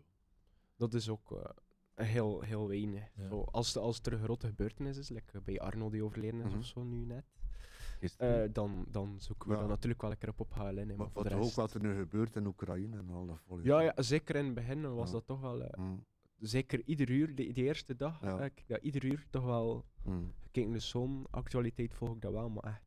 Maar mag, mag, mag ik eens een vraag stellen? Mhm. Zeker. Het klimaatplan Brugge, zegt jou dat iets? Klimaatplan Brugge zegt mij niets. Ja, ja. Oké. ja. Verklaar u nader, Nico. Ja, Nee, nee, je stelt die vraag. Nee, maar ik stel gewoon de vraag omdat ik dan, ehm, met alle respect voor jou hoor, als, als jonge mensen minder de actualiteit, de media volgen en zo, hoe zijn ze dan nog op de hoogte van bepaalde zaken die toch leven in de maatschappij? Ik denk vooral Facebook, Instagram, Ja, eh, sociale Ja, maar media. Daar, daar ga je dat verhaal van het klimaatplan Brugge en het klimaatneutraal maken van dit en van dat, ga je niet lezen bijvoorbeeld. Nee. Ah, Nee. dat, dat is iets, als je dat in een heel Ja. kort filmpje giet, dan, Ja. dan Dat- we, dat dan komt dat wel dat over. Dat bestaat, ja. Maar dan moet je dan ook... Ah, Oké. Maar dat is natuurlijk met Ja. algoritmes en zo, en dat moet dan ook Ja, eh, ja, juist Maar, ga je dan bijvoorbeeld gaan betogen in Brussel? Voor, eh, Nee. nee, oké. Wat, wat, wat, dat, wat, wat ik wel nog... De scholierenbetoging, heb je dat nog meegemaakt, Mark? Ja, ja, absoluut. Scholierenbetoging. Vertel, er hebben we waren- gedaan? er waren- er waren- Ja. Er waren divers en één daarvan was tegen de, de verhoging voor het inschrijvingsgeld aan de universiteit. Eh, t- 10.000 was dat. Frank, hè? Mhm. Frank toen nog. Hè? Dat, was, eh, dat was ongeveer, ik weet niet wat hij nu betaalt om in te schrijven aan de UNIF, maar toen ging dat verhoogd worden tot 10.000 frank en was dat een hele grote protestbeweging in Vlaanderen. Maar ook hier in Brugge zijn er nog scholierbetogingen geweest tegen beslissingen van de stad toen en van het ministerie van Onderwijs. Ik weet nog dat we... eh, we zijn, we zijn nog weggelopen uit het ateneum. De, de, de school was hermetisch afgesloten, politie voor de deur. Met wapenstok en helm en zo. Wij door de ruiten naar buiten. Alleen dat, dat soort dingen. Ehm, maar jullie volgen dat niet meer nu, dat soort actualiteitstoestanden of zo. Nee, en eigenlijk Ja. like, scholierbetoging en zo, dat, Ja, ja, ja, dat is ook iets wij, waar dat ik persoonlijk nog nooit echt heb van gehoord. Wij kwamen op Mhm. of we dachten dat we opkwamen voor onze rechten. Hè, dat soort Ja, dingen. tegen. PMS. dat dat veranderd is na Ik CLB. was wel al, Maar dat, was, dat is wel een feit, wat je nu zei, van, eh, dat jongeren vroeger meer, en niet enkel jongeren, eh, meer protesten of, of gaan op straat Mhm. komen, in, in tegenstelling tot Mhm. nu. Nu gaan we sneller een, een, een protestfilmpje maken via... Ja, ja klim- klimaatmars inderdaad wordt hier Mm. geroepen, maar Maar ja, klimaatmars, er is meestal Dat om is- geen les te volgen. Hè. Dat, dat is de inderdaad meestal om geen les. gegaan om geen les te volgen. Hè. En Want allee, bedoel, met alle respect, maar als je dan... Oké, ik ben die persoon die dat wel de media volgt. Als je dan ziet wat dat erachter blijft en jij gaat gaan eh, klimaat eh, betogen en je smijt daar al je vuiligheid op grond van plastieke flesjes en allemaal. Ja, ik bedoel, dat zijn ook beelden die zijn opgedoken. Hè. Maar het feit Ja. dat ze gaan protesteren, dan denk ik nog altijd van wie was er daar effectief om het klimaatplan te gaan tegenspreken en wie niet. Ja, ik ben... Nee, ik ben... Nu, Dat- voor alle duidelijkheid, ik, ik stel mijn vraag niet om dat debat te openen, maar ik stel er een vraag voor om te weten op welke manier jongeren eh, op de hoogte zijn van de actualiteit en zo. Op een andere manier. En dan terugkeren naar het feit dat ze geen kranten meer lezen, zoals jij zegt. natuurlijk, ja. Ja, maar dat is ook zo. We- Vroeger wij moesten ook kranten meebrengen naar school. Wij waren, als er iets Mm. was, dan moest je een artikel meepakken. En dat was dan niet zoals nu Wikipedia, tuk, tuk, tuk, afprinten. Maar ik kan eerlijk zijn, jullie informatie staat ook op Wikipedia. Dat Ja, is dat heel staat wel gemakkelijk. natuurlijk, ja. ja. Eh, terwijl er, dat ik staat weet... ook, veel- er staat ook veel onzin op Wikipedia. Ik net Ik heb volledig uw Wikipedia mee. Ja, ja, er staat ook heel veel onzin op Wikipedia. Ja, We kunnen het daar ook nog eens over hebben natuurlijk. Ja, doe maar. Eh, maar ik heb het gehad over, ehm, had het net over de inschrijvingsprijs van, een, eh, van de studies die Ja, je kan ja. doen. En bij de Universiteit in Gent betaal je per studiepunt 65,89 euro. Kijk, dat is ook al veranderd. Hè. Wij betaalden toen gewoon één bedrag en toen was hij ingeschreven. En toen, ja. En als je 280 Ja, ik studieuren weet wil dat dat allemaal volgen, is verandert. 660 Ja, ja, ja, euro. Ja, ja. Kijk, verlek eens die prijzen. Hè. Dat is... eh, Als, je, als je nog, voor de zij die nog terugrekenen in frank, dat was 40,33 maal. Hè. En dat was, toen had je de euro en vergelijk met die prijzen maar eens. Hè, wat, wat het nu is. hè. duur.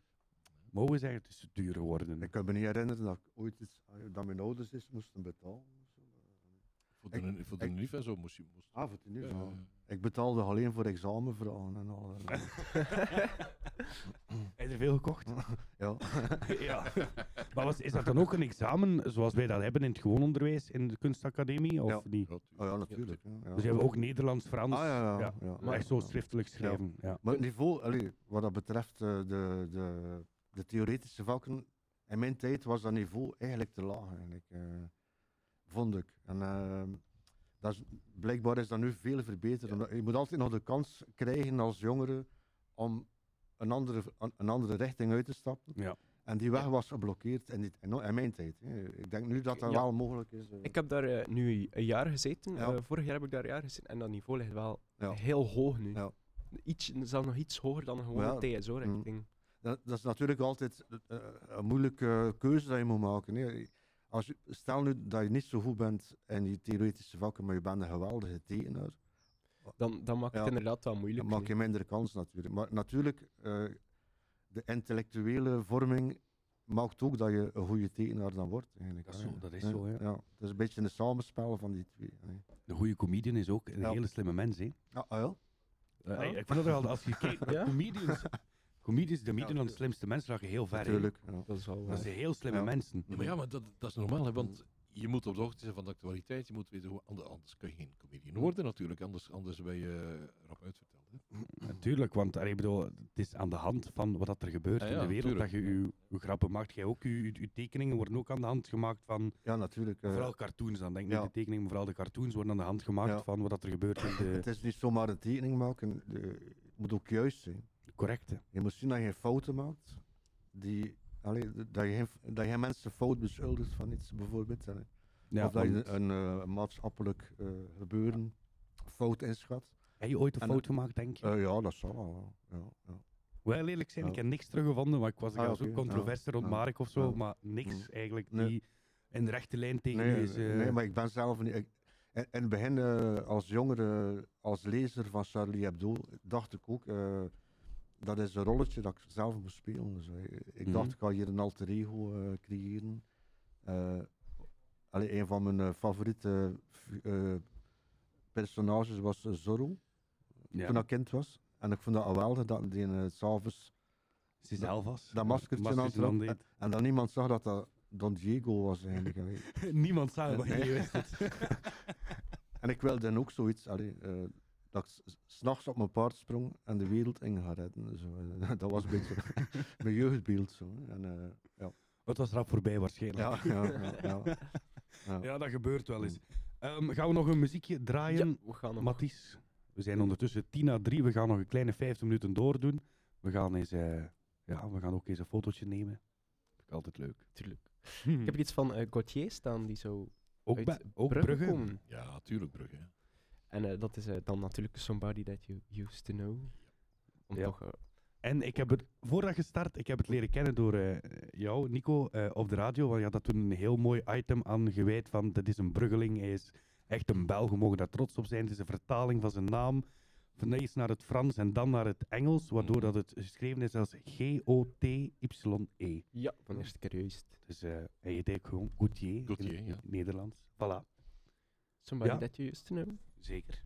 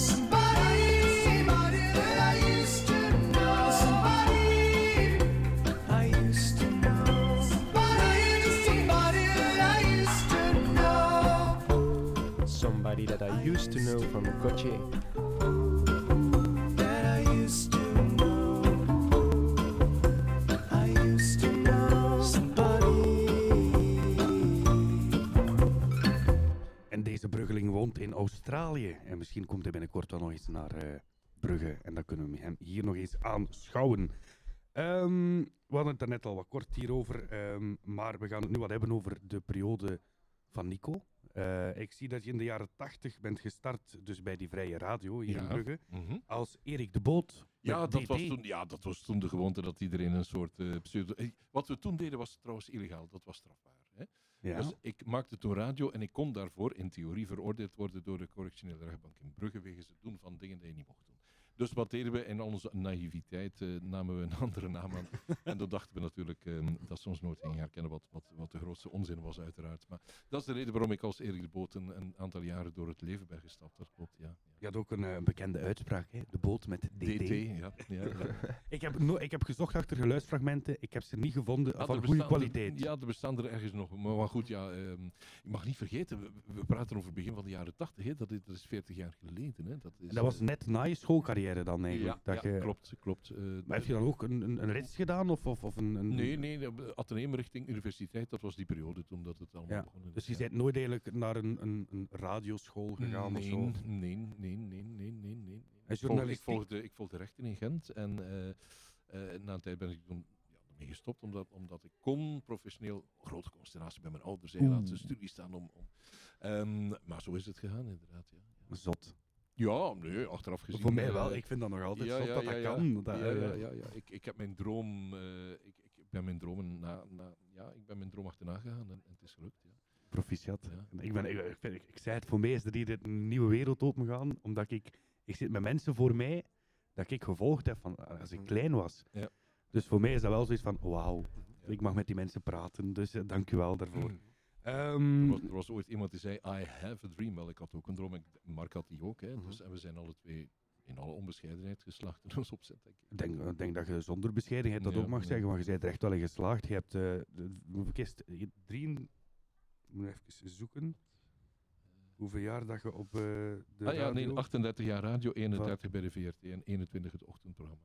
Dus allee, bedoel, dan moet je niet meer bescheiden zijn. Ja, en ja, dan mocht je echt wel zeggen van ik heb mijn streepjes wel verdiend. Hè. En eigenlijk heel, wa- als ik erover kan, kan, ik ben eigenlijk ooit begonnen bij de nachtradio van de VRT. Dat bestaat niet meer. Dat was een overkoepelend netwerk waar toen alle zenders van die tijd onder zaten. Radio 1, Radio 2, toen nog Radio 3, wat er nu Clara is. eh, Studio Brussel en noem ze verder maar op. En toen eh, tijdje ook voor Radio 1 gewerkt, voor het journaal gewerkt ook, Radio 2. Ook eh, voor WTV zie ik Ja, hier, eh. WTV, voor VTM, een hele tijd voor VTM, voor het nieuws van VTM gewerkt ook. eh, En dat lukte basis. toen Ja, ik had, tussen ik had, VRT ik en had een- VTM. ja, ik had, ik had toen een verschrikkelijk slecht contract bij de VRT. Dat heette raamcontract. En ehm, dat was, was- ja, de vakbonden hebben er later tegenop gekomen. Dat is, toen, dat is toen verdwenen. Maar net door dat contract kon ik en één, langs aan de ene kant radio maken bij de VRT. En twee, televisie maken voor het nieuws werken bij VTM. Ik heb dat een jaar of vier, vijf gecombineerd. Wij, Ah, deden, wij deden vooral het harde nieuws voor VTM. ehm, branden, moorden, accidenten, dat soort dingen. Dus dan was je ook een van de eh, journalisten met de, de ramp eigenlijk in Zeebrugge van De Herald of Free, nee, dat was, dat was er nog voor. Dat was, Was nog voor mijn tijd. voor jouw tijd ja, eigenlijk. Ja, ja. Want daar hebben we wel unieke beelden ook van een ik- bruggeling. Die, die heb ik wel meegemaakt natuurlijk. Als, eh, ja, ja, ja. Als jonge gast toen. Was dat ook iets dat meespeelde in, in, in school toen? Hebben jullie daar ook in, in school meer over gekregen? Of was dat vooral van thuis dat je de info kreeg? Nee, nee, nee, want, want ik, zat, ik zat, de Herald, ja, 100, hoeveel was het? 192 doden of zo in Zeebrugge, hè, zoiets, of 193, dat was, dat was wereldnieuws, hè, dat, triest wereldnieuws, hè, maar dat, eh natuurlijk werd er uitgebreid becommentarieerd, ja, Zijn er nog zo dingen gebeurd in de wereld dat je zegt van wij zijn ervan in school meer op de hoogte gebracht, want anders hadden wij niet geweten. Eh, Ik weet niet, de val van de Berlijnse muur, dat is in 80, dus Ook dat, mee- ja, dat zo, is- zo oud zijn wij ook alweer, ook, Ja. ook meegemaakt, live op televisie, hè, de eerste slagen met de mokerhamer om de, om de gaten in de muur te kloppen. Ja, ja, En, da- en daarvoor het zien doodschieten van de mensen die probeerden over de muur te klimmen, letterlijk. De, de, de Oost-Duitse politie, hè, die, die schoten die mensen gewoon dood. Hè. Is, Jullie hebben eigenlijk harde beelden gezien. Hè? En dan komt het nu terecht in het jaar 2000 en dan komt, wordt het nog wat harder op een andere manier. ja. Ehm, hoe hebben jullie eigenlijk, alleen even niet meer misschien met school, maar hoe hebben jullie de coronacrisis meegemaakt als artiest of nu als schepen? Of Want jij hebt ook voor cultuurcel, moet jij ook wel iets... je hebt het Op, die, maar dat ga ik Mark antwoord laten ook. Maar op diverse vlakken, allee, als schepen van cultuur, dat is een, dat is een, dat is een, een ramp geweest. Hè. Eh, de hele culturele sector heeft ongelofelijke slagen gekregen op diverse, en dat, dat heeft raakpunten met, met het artistieke ook. Een van de dingen die wij nu merken is dat, ehm, dat heel wat freelancers die toen aan de slag waren, dat die een job hebben gezocht en die niet meer terugkeren naar de culturele sector. Probleem 1. Eh, tekort aan werkkrachten. Probleem 2, financiële patatten gekregen. Hè. We hadden wel het noodfonds van de Vlaamse overheid, waar we toen ook ehm, een aantal eh, in niet onbelangrijk gedrag hebben gekregen, verdeeld tussen jeugd, sport en cultuur. Daarmee hebben we, denk ik, toch wel verenigingen kunnen redden. ehm, maar die mensen zijn ook in, in hun werking twee jaar terug in de tijd gesmeten. Ehm, veel producties die niet zijn kunnen uitgevoerd. Allee, veel mensen zijn echt letterlijk zwaar in de, shit geraakt door die coronacrisis Mhm. en dragen daar nu nog altijd de gevolgen van. Andere kant, de stad Brugge is, is eh, miljoenen kwijt aan inkomsten die we anders gingen, wel gingen gehad hebben. Eh, ja, dat zijn we ook kwijt, definitief. Hè. Dus, en dat heeft uiteraard zijn gevolg, waardoor bepaalde projecten moeten uitgesteld worden, omdat er gewoon geen geld voor is voor het moment. Enzovoort, enzovoort. Dus ik heb dat als iets zeer negatiefs ervaren. Het zal wel zijn, uiteraard. Ja, natuurlijk. En dan natuurlijk in je ja, nieuwe, nieuwe job, want dat was het. Hè. Alles, alles was nieuw voor jou en dan komt corona en dan... eh, Dat heeft, eh, ja, dat heeft zeer zware gevolgen gehad, uiteraard. Ja. Maar, dan- vooral op menselijk vlak, niet zozeer voor mij, maar ik bedoel voor de mensen in de sector. Ja. Ik heb, ik heb drama's gezien, hè, ook in Brugge. Eh, Dingen waar, die niet meer zijn nu. Ja, hè. mensen, mensen die, ja, van faillissementen tot, tot mensen die compleet niet meer zagen zitten, hè, mentaal en zo. Hè. Dat is... Ja, Dat maakt het even koud. er zijn, er zijn, ik durf dat hier zeggen, er zijn drama's gebeurd, ja. Mark, je hebt ook die crisis meegemaakt. Ehm, hoe heb jij die ervaren eigenlijk toen? Allee, misschien nu nog altijd. Ik denk Ja. er nog altijd wat erin zit. Hè? Mm, eh,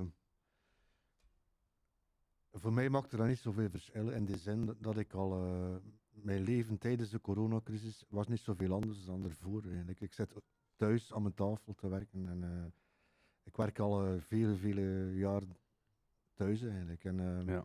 Maar toch, als ik zo buiten kwam en soms is dat precies eh, een nare droom zo, eh, van, van twee jaar geleden toen dat de eh, coronacrisis op zijn hoogtepunt stond qua quarantaines en zo en lockdowns. Eh, om Brugge te zien, die, Leeg. die lege straten. het is niet dat ik overdag veel in het centrum rondliep of zo, maar toch, dat, zelfs het gemis aan toeristen vond ik Ja. heel op, opmerkelijk. Zo, eh, dat, je- dan pas. Gisteren, gisteren liep, liep ik over de grote markt. Zat er voor, dat voor het standbeeld eh, een hele groep jongeren, denk Spanjaarden, te zingen. En dat, dat maakt de stad eh, Dat, leuk. dat- ja, dat is Mm. een eigenheid van de Ja. stad Brugge ook. Hè? Ja. Dat je alles hier ziet. Hè? Mm, ja. Ik, heb twee jaar ik heb twee jaar gereden in Brugge, eigenlijk in een lege stad. Hè? Ja. Dat was Mm. die, die, die, die ene periode van, van corona, eh, echt de, echt de lockdown eigenlijk. Dat was een spookstad, Brugge. Ja. Weet, weet je, ik, ik had ooit een heel raar gevoel gehad en, en het was ook stil in Brugge. Ik weet niet of je dit erop Ja. Je zag niet alleen niemand, maar het was stil. En een van de dingen die mij is bijgebleven, ik kwam ooit uit het stadhuis en ik hoorde een dame met hakken wandelen. Weet je waar die wandelde? Op de hoek van de Breidelstraat en de Markt. Dus dat is, eh, dat is een ferm stuk. Het was Ja. zo stil in Brugge dat je dat kon horen. Wat ik nu totaal niet meer kan. Ja, natuurlijk. nu, nu kunnen we dat niet meer horen. dat is, maar, maar dat is zo van die effecten en je zegt van, in godsnaam, hoe is dat mogelijk? Allee, dat is... En dat eh, alles, dat, dat dat gewoon gebeurd is. Ja. Vooral Ja, dat, dat ja. dat gewoon Dat kon, zo- ja, Brugge leeg. ja, bizar eigenlijk. eh. Ja. En toen, toen is ook heel duidelijk geworden hoe Brugge als stad, en, en, en dan heb ik het ook over de inkomsten van mensen, afhankelijk is van cultuur en toerisme. Cultureel, toeristisch of toeristisch-cultureel, je mag het nu invullen zoals je wilt, maar hoe zeer Brugge en al de rest die eronder valt, heeft er allemaal mee te maken. Als Ja. er met die twee kapstokken iets gebeurt, dan zijn er problemen in de horeca, dan zijn er problemen daar, daar, daar, daar, daar. En dat is, dat is zeer opgevallen. ehm, Door, dat- door corona eigenlijk ja, is dat en- allemaal en- en opgevallen. Dat, De drama's waar ik net naartoe verwees, was trouwens niet alleen cultureel, maar ook in de toeristische sector zijn er ook drama's gebeurd. is- Tuurlijk, ja, we weten dat we, we hebben het ook wel wat gemerkt, denk ik. Zelfs nu, vandaag, zien we nog de gevolgen. En ik Mm. denk, om aan positief blijven houden, vasthouden, dat we er nu een beetje vanaf zijn en dat we terug normaal kunnen eh, Maar gaan. ja, er vanaf. Er zijn per dag nog 6000 besmettingen, dus we zijn er niet vanaf. Hè. Nee, Eh, maar gelukkig zijn de gevolgen minder, omdat we nu toevallig met een variant zitten die het wat minder erg maakt. Ja. Maar allee, ik, ik, eh, ik, ik heb, ik heb, sinds- ik, ik heb een, een grote, allee, ja, het, is raar om te zeggen, maar meer dan 15 mensen die ik ken, die zijn overleden, zijn overleden aan corona. En dat gaat dan vaak, dat weet ik ook wel, eh, om oudere mensen of mensen die onderliggende eh, aandoeningen hadden of wat dan ook. Maar dat is toch een cijfer waar je. Ik heb natuurlijk een uitgebreide kenniskring en zo, maar, maar dat is toch een cijfer. Ik heb ze eens op een rijtje gezet waar, waar je stil van wordt hoor, echt waar. hè. En, en dan zeggen ze, oké, ja, het is aan het overgaan, het is dit en dat. Nee, Ja. maar je hebt ook in die periode van die 15 mensen geen deftig afscheid kunnen nemen. Je hebt Van een paar niet- wel, van een paar wel. Ja, ik bedoel, Ja, is- ja, maar- alles maar telt mee in dat daarvan, eh, verhaal. Hè. We, we kijken altijd rond, maar ik, ik heb ook, eh, als ik dan denk aan mezelf, van de crisis zelf heb ik zelf niet veel meegemaakt. Ik heb blijven werken, ik heb eh, alles kunnen blijven betalen. Voor mij veranderde niet. Van mij was gewoon mijn sociale contacten veel volledig weg. En mijn sociaal engagement, toneelspelen, radio maken, al dat viel weg. Mensen in mijn entourage, ik heb er misschien drie, vier die gestorven zijn effectief aan corona, heb ik dan zoiets van, oké, en dat zijn oudere mensen al voor mij. Dus mij persoonlijk was het niet echt. Ja, maar voor ik mij- heb die crisis niet echt zwaar ervaren eigenlijk. Ik bedoel, voor mij maakt dat nu niet verschil. Is die nu 84, 94 of 16 jaar? Snap Dat- niet dat uit, hè. Dat maakt niet uit, hè. Dat is, eh, Maar voor mij was dat wel zoiets van, er gebeuren dingen die we niet in de hand hebben. En eh, het is nog altijd zo, we hebben het totaal niet in de hand. Hè. Er overlijden in België op het moment nog elke dag 20 mensen gemiddeld aan corona. Hè. Nu nog, hè. elke dag. Hè. Drie weken geleden is mijn oudste broer eh, overleden aan corona. Voilà, zie je. Dus het is toch altijd maar dichter. Hè. In het begin was het soms ver van huis. Maar los daarvan, ik denk dan als we denken aan de jeugd die dat heeft meegemaakt, die hebben ook op een andere manier leren leven nu. Want wij, in mijn tijd, sociale lessen of online lessen of dergelijke was niet aan de orde. Nu wel. Nu zitten jongeren ook meer op die streamingplatforms om les te krijgen. Want dan heb ik ook eventjes over eh, die platform van het VRT-nieuws, Nieuws, Nieuws, Nieuws. Jongeren worden ook beter geïnformeerd. Hadden jullie het gevoel dat jullie genoeg geïnformeerd zijn geweest in de tijd dat jullie in school zaten over de maatschappij en de mensen daar rond? Ik, ik wel, ja. Want dat had weer te maken met die paar leerkrachten die, waar het voor hen ook belangrijk was om dat door te geven. Hè. Ik, Ja. ik heb net de naam genoemd, die man, die man ik, heb er, ja, ik heb er een paar gehad die, die dat zeer belangrijk vonden en doorgaven, heel bewust doorgaven. Ja, ik heb de indruk wel dat ik dat op dat vlak... eh, Je hebt genoeg meegekregen van de, Ja, van ja, de dingen. ja. Jij ook, eh eh, kunstacademie, ik weet niet of dat jullie dan zoveel invloeden Mm, krijgen? eh, nee, minder. Eh, ik denk dat, dat er nu meer mogelijkheden zijn om geïnformeerd te worden voor jongeren dan, dan, dan, dan wat in mijn jullie tijd. hadden, ja. Ik denk dat toch wel eigenlijk. eh, eh, zeker door eh, de digitalisering. hè. Eh, Denk je dat digitalisering een verbetering is geweest? Wel, ik, ik, zie toch ook mijn eigen kinderen. eh, eh, Wij keken vroeger wel een keer in de krant en we keken naar het journaal op, te- op televisie, Ja. maar dat was, en de radio natuurlijk. Maar nu eh kun je de hele dag door. Ik doe dat ook. Hè. Ik zit ook constant eh, op de sites eh, alles te volgen. Eh, je bent heel snel op de hoogte van iets. Er Ja, mo- moet soms een iets- beetje te snel. Ja. Er moet maar iets gebeuren. En je weet het al, hè? Ja, je weet het al. Soms Dus, gebeurt eh, er iets in Brugge en eh, mm. zie ik het op eh, de Facebook van Nico. Ja. Dan zeg ik van, oké, ik ben op de hoogte. Maar ik merk dat ook in mijn eigen werk. Hè. Ik maak een tekening s'avonds eh voor de krant. Eh, tegen dat die krant eh, s morgens in de bus ligt, is dat precies al oud nieuws geworden. eh. het gaat snel, hè? Ja, het gaat allemaal heel snel. Dus. En ik, ik doe het ook heel bewust. Ik, ik zet inderdaad eh, heel veel nieuws, eh, los van, van fotootjes en zo, op mijn Facebook en, en andere Instagram en, en, en Twitter en zo. Om, om, ik vind dat belangrijk om dat te delen met mensen. En dat mensen op de hoogte zijn ook. Ja, geïnformeerd worden op een correcte manier. Ja. Want eigenlijk zit je wel een goede bron voor ons. Voor de buschauffeurs, als wij zitten met die wegen werken. En je, Ah ja, voilà, voilà, kijk, dat is je van de dingen dat die- als ja, heel ja, accuraat. We kunnen onmiddellijk daarop inspelen. Je weet van, het is ook correct. Het komt vanuit het stadsbestuur ergens. Ja, ja, ja, Dus ah, ik vind dat wel tof als wij zo snel kunnen. Ik weet niet, Mathies, heb jij het gevoel dat jullie nu soms een overvloed aan informatie krijgen in school van, of via sociale media eh, naar school toe? In school zeker niet, qua, qua op sociale media hebben we wel zeker een goed aanbod aan eh, informatie. En heb je ook het gevoel dat je, dat je mee kan gaan met hetgeen dat je krijgt? Of zeg je van soms krijgen wij informatie dat totaal niet relevant is voor ons? Nee, nee, nee, de informatie die we dan krijgen via bijvoorbeeld Instagram is altijd zeer relevant voor eh, wat, dat, wat dat wij willen. Allee, wat dat, eh, waar dat wij aandacht aan ja. besteden. Maar eh, het had dan bijvoorbeeld veel minder over politiekers of zo. Maar dan meer bijvoorbeeld oorlog in Oekraïne, zo'n ding. Mhm. Dat ons dat wel allee, ook aangaat en interesseert. Maar het probleem is ook een beetje dat eh, het, nieuws gaat zo snel. Vroeger werd dat tien keer gecheckt allemaal, eh, voordat dat in de krant of in het journaal kwam. en nu? Ja, fake news. Hè. We zitten met Ja. dat nieuw woordje, Ja. hè, die eh, Donald En, eh, Trump. Ja, en voor mij is er ook een probleem dat je niet eh, een, een nieuwsfeit volgt die, die niet klopt. hè. Ja, je moet Ja. eigenlijk checken, double-checken en desnoods drie double-checken. hè. Dus eh, als, je, als het je eigen mening is dat, dat je voelt van dit is correct, eh, dan gaat mee in mijn mening, check het toch eens. Ja. Dat is de beste tip dat ik ooit heb gekregen, nog toen ik in school zat. Ja, toen maar, al. maar de tijd is er niet meer voor. Hè. Allee. Ja, we willen altijd En- snel, snel, Ja, snel. ja. Je, je merkt dat wel duidelijk dat bijvoorbeeld nieuws veel minder gecheckt wordt. Dan moet ik kijken hoeveel schrijffouten dat er in een artikel Mhm. staan. Op bijvoorbeeld HLN. Ja, Sowieso, ieder artikel heeft één of twee schrijffouten. dus een sensatiekrant. Hé, wat blief? Ja, ja, ook nee, maar... Nee, ik bedoel dan... Ja, het is nu een slecht voorbeeld, maar in het algemeen zijn er toch veel meer schrijffouten. En Ja, maar ik denk dat denk dat we ook niet meer mee kunnen met, met de regels van, van het schrijven. Het verandert constant. Nee, dat heeft ook te maken met besparingen en, en schrappen op eindredacties en zo. Van, eh, daar heeft het veel mee te maken. Dat er, eh, maar allee, eerlijk gezegd, ik, ik, ik erger me, je, je hebt gelijk. Ik, Ja, ik, zie DT ook en andere fouten, die ook- en dat en dat soort dingen die door elkaar. Maar ik, ik vind dat gewoon heel erg, want ik, ik ga er dan vanuit van.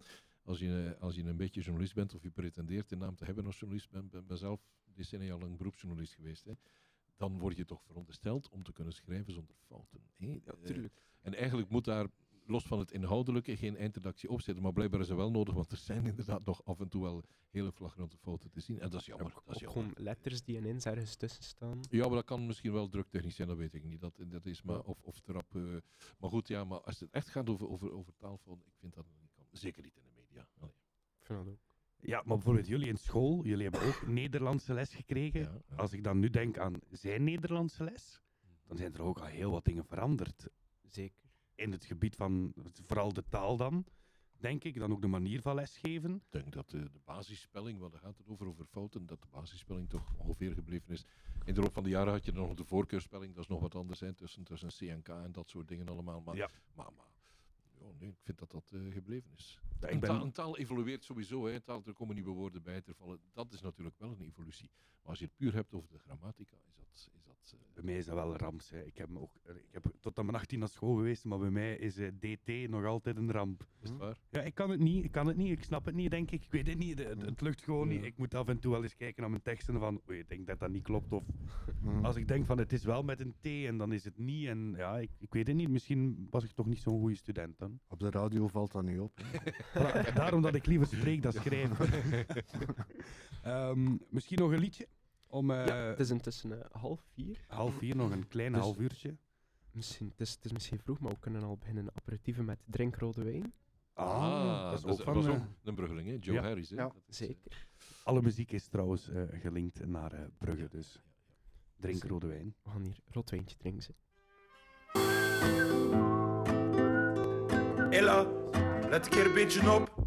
Ah, oei, sorry. Luister vandaag heel de dag naar Erfgoed Radio vanuit het Kantcentrum. Deze radioshow is een samenwerking met Villa Botta en Erfgoed Zelberg. Langskomen kan in het kantcentrum of luister en kijk live via villabotta.be of 106.4 FM.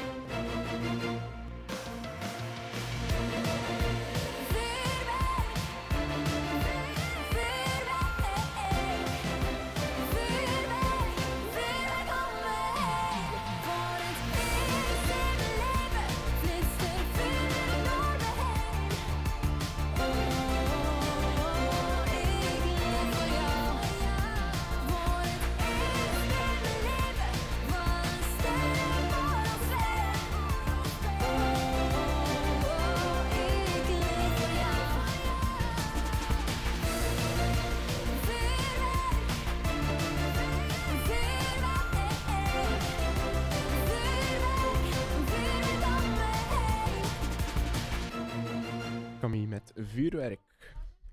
En waarom we Camille draai is omdat ze eigenlijk ooit student was op eh, de kunstacademie hier, oh, kunsthumaniora, sorry, eh, van, eh, van Brugge. En ondertussen had ik het over met Marek. We zitten al, al bijna aan de derde generatie van de Marek-clan die naar de kunsthumaniora gaat. Hè? Ja. Je zoon heeft het ook gedaan. Mijn zoon, eh, met twee zonen eigenlijk. eh. Eh, en nu mijn kleindochter. Die kleindochter die begint nu in september. In de, En ook voor te tekenen? Nee, zij had eh, woordkunst en drama. Dus we kunnen ze misschien ooit op het eh, Ja. tv-scherm zien. Maar uw zoon heeft ook werk gedaan voor televisie? Ja, ja. Hij, hij- hij- hij is eh, animatie eh, gaan volgen in Gent. Ja.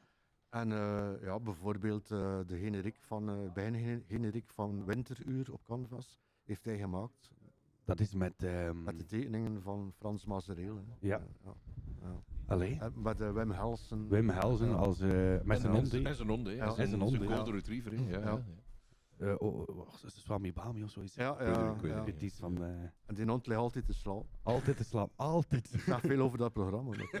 Maar ik vind, het wel, ik vind het wel een goed programma. Ik vind het wel een goed programma. Ik vind het wel nog een keer tof, want Ja. de, de gasten die er langs gaan, leert je op een heel andere manier kennen. Dus Ja. wel goed. Mm. Ehm, Nico, je hebt ook al eh, gezorgd voor eh, opvolging eigenlijk Mhm. in het eh, presenteren. Je zoon Nick, Ja. die doet het ook niet slecht hè, hier in Brugge. Ja, nee, nee. Is, En ver daarbuiten ondertussen? En, en daarbuiten ook. Hij zit in het animatieteam van de Centerparks en hij eh, is omroeper op Cirkel Brugge, organiseert dingen, kasteel van Sinterklaas en zo. Heeft mijn rol vergonnen bij de trippeldagen, oudejaarsavondviering in Brugge, dat soort dingen allemaal. Ja, hij is... ehm, Is dat iets dat Ja. jullie ook een richting gestuurd hebben? Nee, nee, in mijn, mijn geval helemaal niet. Want ik, ik zeg al eh, heel vaak tegen mijn zoon: eh, je lijkt veel meer op je vader of, of dat je zelf wilt toegeven. hè. Ehm, nee, eh, nee, nee, nee, ik heb hem daar niet in gestimuleerd. Dat is, dat is ja, hoe noem je dat? Een beetje vanzelf gegaan. Ja, Ja, een, een- logischere wijze van ik vind het wel tof, hè? Ik vind het wel tof. Tuurlijk, als iemand die je zelf hebt zien groeien, dan nog eens in je eigen voetsporen probeert of gaat treden, is dat wel leuk. Hè? Tuurlijk. Heb jij ooit je kinderen gestimuleerd om eh, een kunstrichting te doen, of is het ook vanzelf gegaan? Ja, ik, ik heb ook niks gezegd. eh, eh, natuurlijk, ja, ze zijn natuurlijk opgegroeid. Ze hebben altijd aan mijn tekentafel zien zitten. Dat zal natuurlijk wel invloeden gehad hebben op om hun, hun eigen talenten. Om de keuzes maar mijn te dochter maken? bijvoorbeeld is dan eerder in de danswereld terechtgekomen. Is in Amsterdam gaan studeren. Oeh, ja. hedendaagse dans. En, ja. Dus ze heeft dan een, ook kunstrichting gevolgd. eh. Ja. En uh, Mathies, heb jij een, eh, een, een opvolging gedaan bij je ouders, of is dat ook iets dat je zelf hebt Een gekozen? opvolging bij mijn ouders. Wel zo van, eh, is dat door je ouders dat jij naar de, naar de Groene Poorten bent gegaan, of is Nee. dat een eigen keuze? Nee, eh, mijn studierichting is eh, in, over de hele lijn mijn eigen keuze. Mijn ouders helpen wel bij het kiezen, maar wat dat ik doe is uiteindelijk wel mijn keuze. Ja, Ja, van mij. ik, ja. ik, ik dacht eigenlijk met zo'n voornaam dat eh, genoemd was naar eh, Henri Matisse, een van mijn kunstenaar. favoriete kunstenaars. Maar blijkt niet zo te Nee. zijn. Nee. Het is, eh, het is meer van, eh, van het autootje. Ja. Kijk, Nee, ik ken die auto niet. Matisse. Ja. Die auto. Maar met, ah, het is met de Z geschreven van. Ja. ah, Is je naam met de zit? Nee, Nee, nee, het is, Ah, met de, oké. het is wel Ah. met de S. Ah, oké. Zijn toch geprobeerd om niet de auto te nemen. nee. Maar het is wel gewoon M-A-T-I-S. Dus. Mm. Ja, voilà. Ik noem Kelvin. Ik ben eh, genoemd naar een achternaam van een voetballer. Dus. Ah. Mijn vader dacht dat ik misschien voetballer ging worden, maar... eh, Kelvin de Bruyne of zo. ja, ja. Kelvin de Bruyne. dat kan eens gebeuren na een volledig zwaar weekend. Klein, klein foutje bij de burgerstand zo. Kel- Kelvin de Bruyne. Kelvin de Bruyne, stel u voor, ja, stel u ja, voor. ja, ja. Ehm, ik zie hier een, een, een een gast staan die eh, Nico even wil... eh, Ah, moet ik daar iets in zetten? Eh, ah ja, ja, ja. ja. Hebt je een balpen? Anders eh, ga ik even een balpen eh, overgeven. Deze lieve man heeft net een boekje van mij gekocht in het kantcentrum. Dus ik zal, Ah. eh, we zitten wel midden in de radio-uitzending. Maar, is maar dat kan, dat kan, dat kan. Ja, dat ja. is eh, toegelaten. Het is live en het is ook in het kanscentrum. Ik kan ook altijd langskomen om hier even ja, iets, iets te drinken of gewoon eens ons aan het werk te zien. Eh, straks gaan er nog wat radiomakers passeren om vier uur. Wij gaan nog een kwartiertje doordoen. Ehm, misschien eh, heb jij eens een vraag voor onze gasten? Want, Heb ik eens een vraag. Eh, ja, eh, eigenlijk zou je, liever, zou je liever nu op school zitten of eh, vroeger? Of eh, heb je daar eigenlijk niet echt een eh, voorkeur? Ik, ik weet het niet, ik weet het niet. Ik, ik heb de school meegemaakt, ik heb daar een hele toffe periode gehad. Maar om het te vergelijken met... Ik, ik weet het niet, ik weet het niet. Ik heb wel Eh. gezegd, als ik ooit met pensioen ga, dan ga ik weer... eh Hendrik, tot ziens. Dan ga ik eh, opnieuw gaan studeren, denk ik. Ik meen dat echt. Iets, iets, iets met geschiedenis of zo. Het lijkt me toch wel iets lastiger, los van school, om nu jong te zijn eigenlijk. eh, vergeleken met onze... waarom denk je dat? Ja, eh, last, lastiger eh, voor jongeren, denk ik, om nu... eh, er, is, eh, er wordt zoveel in vraag gesteld. er is ook veel... de coronacrisis en al. Het is toch niet zo leuk om nu jong te zijn. Ik, ik heb altijd allee, compassie met, mijn- met mijn kleinkinderen ook. dat is nu, net nu. In die periode ja, alles moeten beslissen, Ja. ook studierichtingen beslissen. ik weet niet of ze daar veel bij stilstaan, maar als ik dat aan mijn zorgeloze jeugd terugdenk, eh, lijkt me dat nu toch niet zo, eh, zo leuk. En ook met die oorlog nu. eh, wij hebben dat ook meegemaakt, die eh, dreigingen van oorlogen. Ik heb ook de gevolgen van zelfs van de Tweede Wereldoorlog meegemaakt eigenlijk. Dus zo de, En ja, zo, de, zo de, ja, de angst. De angst dat, dat er weer iets zou gebeuren. Mijn ouders hebben ook die oorlog meegemaakt. En, Ja, ja, ja. Bijvoorbeeld als er zo die loeiende sirenes op donderdag hier in Brugge. Eh, ik, ik weet dat dat bij mijn eh, moeder nog altijd zo eh, Mocht. een naar gevoel gaf. Zo. Ik, ik zei dat ik in het geluk Ja. gehad. Mijn ouders zijn geboren in de jaren 70. Ik ben geboren in het jaar 93. Ja. Ik heb qua dat, oorlog of, Mhm. of andere dingen waren in die tijd niet. Wel de Koude Oorlog en die waren nog wat of zo. Of de Sovjet-Unie, maar Nee, dat maar was dat- niet dat moet- dicht. Dat moet echt heel ingrijpend zijn geweest, want mijn, ik, ik herken perfect wat Mark zegt. Mijn, mijn grootouders, als ik mijn bord niet leeg had, toen zeiden die stevast van, vent je, heb je de Norlogen niet meegemaakt? Waarmee dat ze bedoelden van, wij hadden zelfs te weinig eten en jij laat je eten hier nu staan. Snap je wat ik bedoel? Ja, ja, maar dat... Hey, dus, dus dat... Maar goed, ja, die mensen zijn ook al lang dood intussen. Nee, maar die generatie, die, die, dat waren de gevolgen van de Wereldoorlog 2 in dat geval in Brugge. Hè. Dat is... eh, ja, die vonden dat een schande dat ik drie patatten liet liggen, hè, want in de oorlog waren er mensen doodgaan van de honger. Hè. Allee, dat, dat soort dingen. eh, Zot. ja, Hey, voor, ja, voor, ja, mij, voor mij is dat echt hey, raar misschien, maar ver van mijn bed. Hè. Ik, bedoel, ik heb dat nooit zo ervaren. Bij ons was alles maar evident. Bij ons En kwam die- de computer op en dat Ja, was... wat, wat de Mark zei op donderdag, de, de sirenes, er stond er een op de, op de gistfabriek, dat weet je nog goed. En er bestaat er nog altijd, dat is nu het CV-zo-alarm heet dat nu. Maar, maar destijds loeiden de sirenes in Brugge toen wij kind waren, elke donderdag. en nu dat- nog. En nu nog. Maar toen was dat, eh, allee, bij wijze van spreken, testen voor luchtalarmen als er zo'n vijandige vliegtuig komen. en Zo. En nu, nu loeien die sirene, wat wordt aangekondigd, hè, dat mensen wat minder in paniek zijn en zo. Maar dat bestaat nog altijd. Dus CV zo, dus als er bijvoorbeeld ergens een chemische fabriek ontploft of zo en dan Ja. komen eh, stoffen vrij. Dat soort, dat bestaat nog, hè. Dat, dat wordt elke maand getest in Brugge, hè. Dat is Mocht ik nog nooit eigenlijk op donderdag, donderdag, op de donderdag. Donderdag. hè. De donderdag, dus De- kunnen de wij dat horen. De eerste, eerste donderdag? Ja, ik kan niet Ja, verwachten. ja, eerste donderdag. Dus op een donderdag Ja. in de maand Ja. hoort je toch nog eens een- Sirene, een over heel rond Ja. Brugge weer klinken sirene. Dat zijn dezelfde die in de oorlog... eh, Maar Dat typisch, dan moet ik in een films kijken, dat typisch lucht. Ja. Ah, ja, ja, ja. ja, ja. Maar ja, dat zijn ook dezelfde dat, dat ze nu in Oekraïne horen eigenlijk. Ja, eh, ja, ja, ja. Ja, dat- voilà, voilà, ja, dat, dat is net hetzelfde geluid. Dat is. En, en eh, bedoel je dan in, in jullie tijd dat je in school zat, was dat dan ook dat jullie voorbereiden op van stel dat er iets gebeurt? Nee, dat was niet meer aan, aan de orde bij jullie. Eh, dat was, ik, ik herinner me een zorgeloze tijd eigenlijk. eh, allee, in mijn jeugd. hè. We zaten ook met de tijd van de jaren 60, hè, Ja. 70, dat was Mhm. een beetje alles vrijer. Mhm, Ja. Ehm, Mijn jeugd was ook zorgeloos. Ik woonde op de grens tussen Kolkerk en Sint-Jozef. En toen had je dan nog veel weiden en, en, en toestanden en zo. Ik heb dan, van mijn leven heb ik, ik eh, buiten door, van mijn jeugd buiten in de weiden doorgebracht. Gezwommen in beken, wat toen nog kon, in bomen geklommen. Dat soort dingen hebben wij toen allemaal gedaan. Dat, was, dat kon toen nog allemaal. Dat was, eh, Ja, bij ons was dat, ik weet in, in mijn tijd was dat de, de opkomst van de computers. Mhm. dat, eh, dat, dat startte toen en toen ik, had, ik ging bijna elke dag zwemmen in de Damse Vaart. zo. Bij, bij, bij mij was dat niet aan de orde. Dat was toen van, we hebben een computer en dat was toen beslissen van om zeven uur, ja, gaan we stoppen met de computer op mobiel, nee? Dus Ja, ja, ja, ja, ja, ja, dat was met de ja, inbellijn ja, dat je moest op, eh, op het internet Ja, ja, gaan of als je schoolwerk kreeg. Ja. Oh, en wij we hadden dan een beetje, dat we zeiden van nee, we gaan niet naar de BIP, hè, want dat was een computer voor heel de gemeente. Dus dan zeiden van, we hebben een computer gekocht, dat duurde ik weet niet hoe lang, dan moest je wachten. Dus ik heb dat meegemaakt. Ik kan, zoals jullie vertellen, ik kan me dat niet voorstellen dat jullie op die manier hebben Mhm. moeten les volgen. Het plots met hier heel hard te waaien. Ehm, maar het, het, allee, voor mij klinkt dat heel ver, omdat dat precies een ander, een ander leven was Ja. dat jullie hadden. Voor mij klinkt het, eh, ook zelfs van jou klinkt het nog ver. Ja, bij, bij mij is het zeer allemaal een evidentie. Ja. Het is gewoon computer open doen en voilà, het staat er. Ja, maar dat is normaal. Hè. Wat onze grootouders meemaakten, wat mijn ouders meemaakten, wat ik meemaakte, wat mijn kinderen, mijn kleinkinderen, ik zit al in die fase, Mark ook, en, en, en wat hun kinderen uiteindelijk straks zullen mee, dat zijn totaal andere maatschappijen. Hè. Hoe zal Brugge eruit zien over pakweg 150, 200 jaar? Hè? Hoe gaan we leven ik over hoop over- hetzelfde. Allee, enzovoort, enzovoort. Allee. Ik hoop hetzelfde gewoon upgedate eh, naar dan.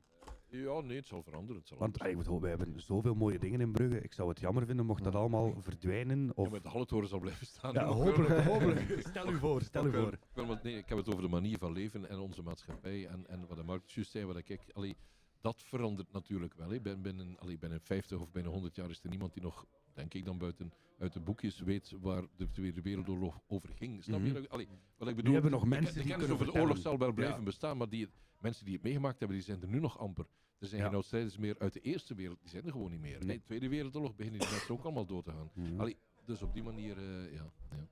Allee, dus eh, met eh, deze mooie woorden, ik zie dat de volgende groep zich ook al volledig aan het klaarmaken Ah, is. ja, ja, ja. Maar We zijn, een ze zijn een beetje aan het filosoferen, is, hè? Dat is, eh, ja, dat maar ik vind, dat leuk, ik vind dat leuk als we kunnen filosoferen. Ik denk ja, dat we misschien nog straks nog- eruit gaan. Ja, zeg maar. Ik heb nog eh, één vraag een Ja? om af te sluiten. Hè. Eh, het is eigenlijk wel iets totaal anders. Dus misschien wil jij eerst nog zeggen wat hij ging zijn. Maar ik denk, ik vraag nog eens studenten zo, eh, als je tips zou hebben voor Ah, studenten die ook nu vragen. naar school gaan. Dat je zegt van, in onze tijd, wij deden het zo, en eigenlijk als je dat zo doet, dat is ik wel goed. Doe je eigen idee, streef je eigen idealen na en streef je eigen talent na. En dan kom je er wel. Ja, zou het niet beter kunnen zeggen. Dus- En die lusten naar. PMS. Nee, nee. Eh, CLB, dat is veranderd, Ja. Mark. Dus ja. Mark is eigenlijk de pionier die dat verandert. Ja. Dat gaan we nee, onthouden. nee, nee, neem je leven in, in je handen. Ja. En wees student en doe wat je erin- zin in hebt. Ja, want iedereen, allee, ik, ik zeg nu wel van mijn, mijn kleinkinderen die nu in die tijd eh, leven, maar dat is het ook eigenlijk. eh, iedereen leeft in zijn eigen tijd eigenlijk en eh, ze zijn niet bewust van, eh, van het verleden en al. je bent jong en geniet, geniet ervan eigenlijk, wat er ook gebeurt. eh. Voor zolang we kunnen genieten van die jongen maar ja, dat zijn. zal wel nog lang. Nee.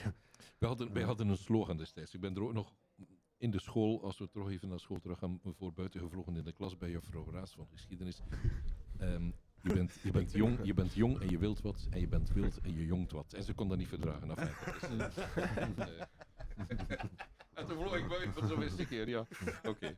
Oké, met deze mooie en eh, leuke woorden en nog altijd het verschot van mijn leven dat Nico Blondronk heel wat strafstudies heeft eh, volbracht eh, en dat eh, Mark eigenlijk eh, ja, PMS heeft laten veranderen naar CLB. Met die wijze woorden ga ik het meenemen in mijn gedachtegang. En ik hoop dat we binnenkort ook eens mogen in een andere setting samen zitten, misschien voor radio te maken, misschien bij. Villa Bota. Want ik eh, vond het wel heel aangenaam met jullie hier. Je mag mij altijd contacteren. Wel, voilà. Nico Blond Rock of Nico Blond Ronk? Ja, ik weet, ik heb de Oeh. fout even. Het is Nico Blondrok.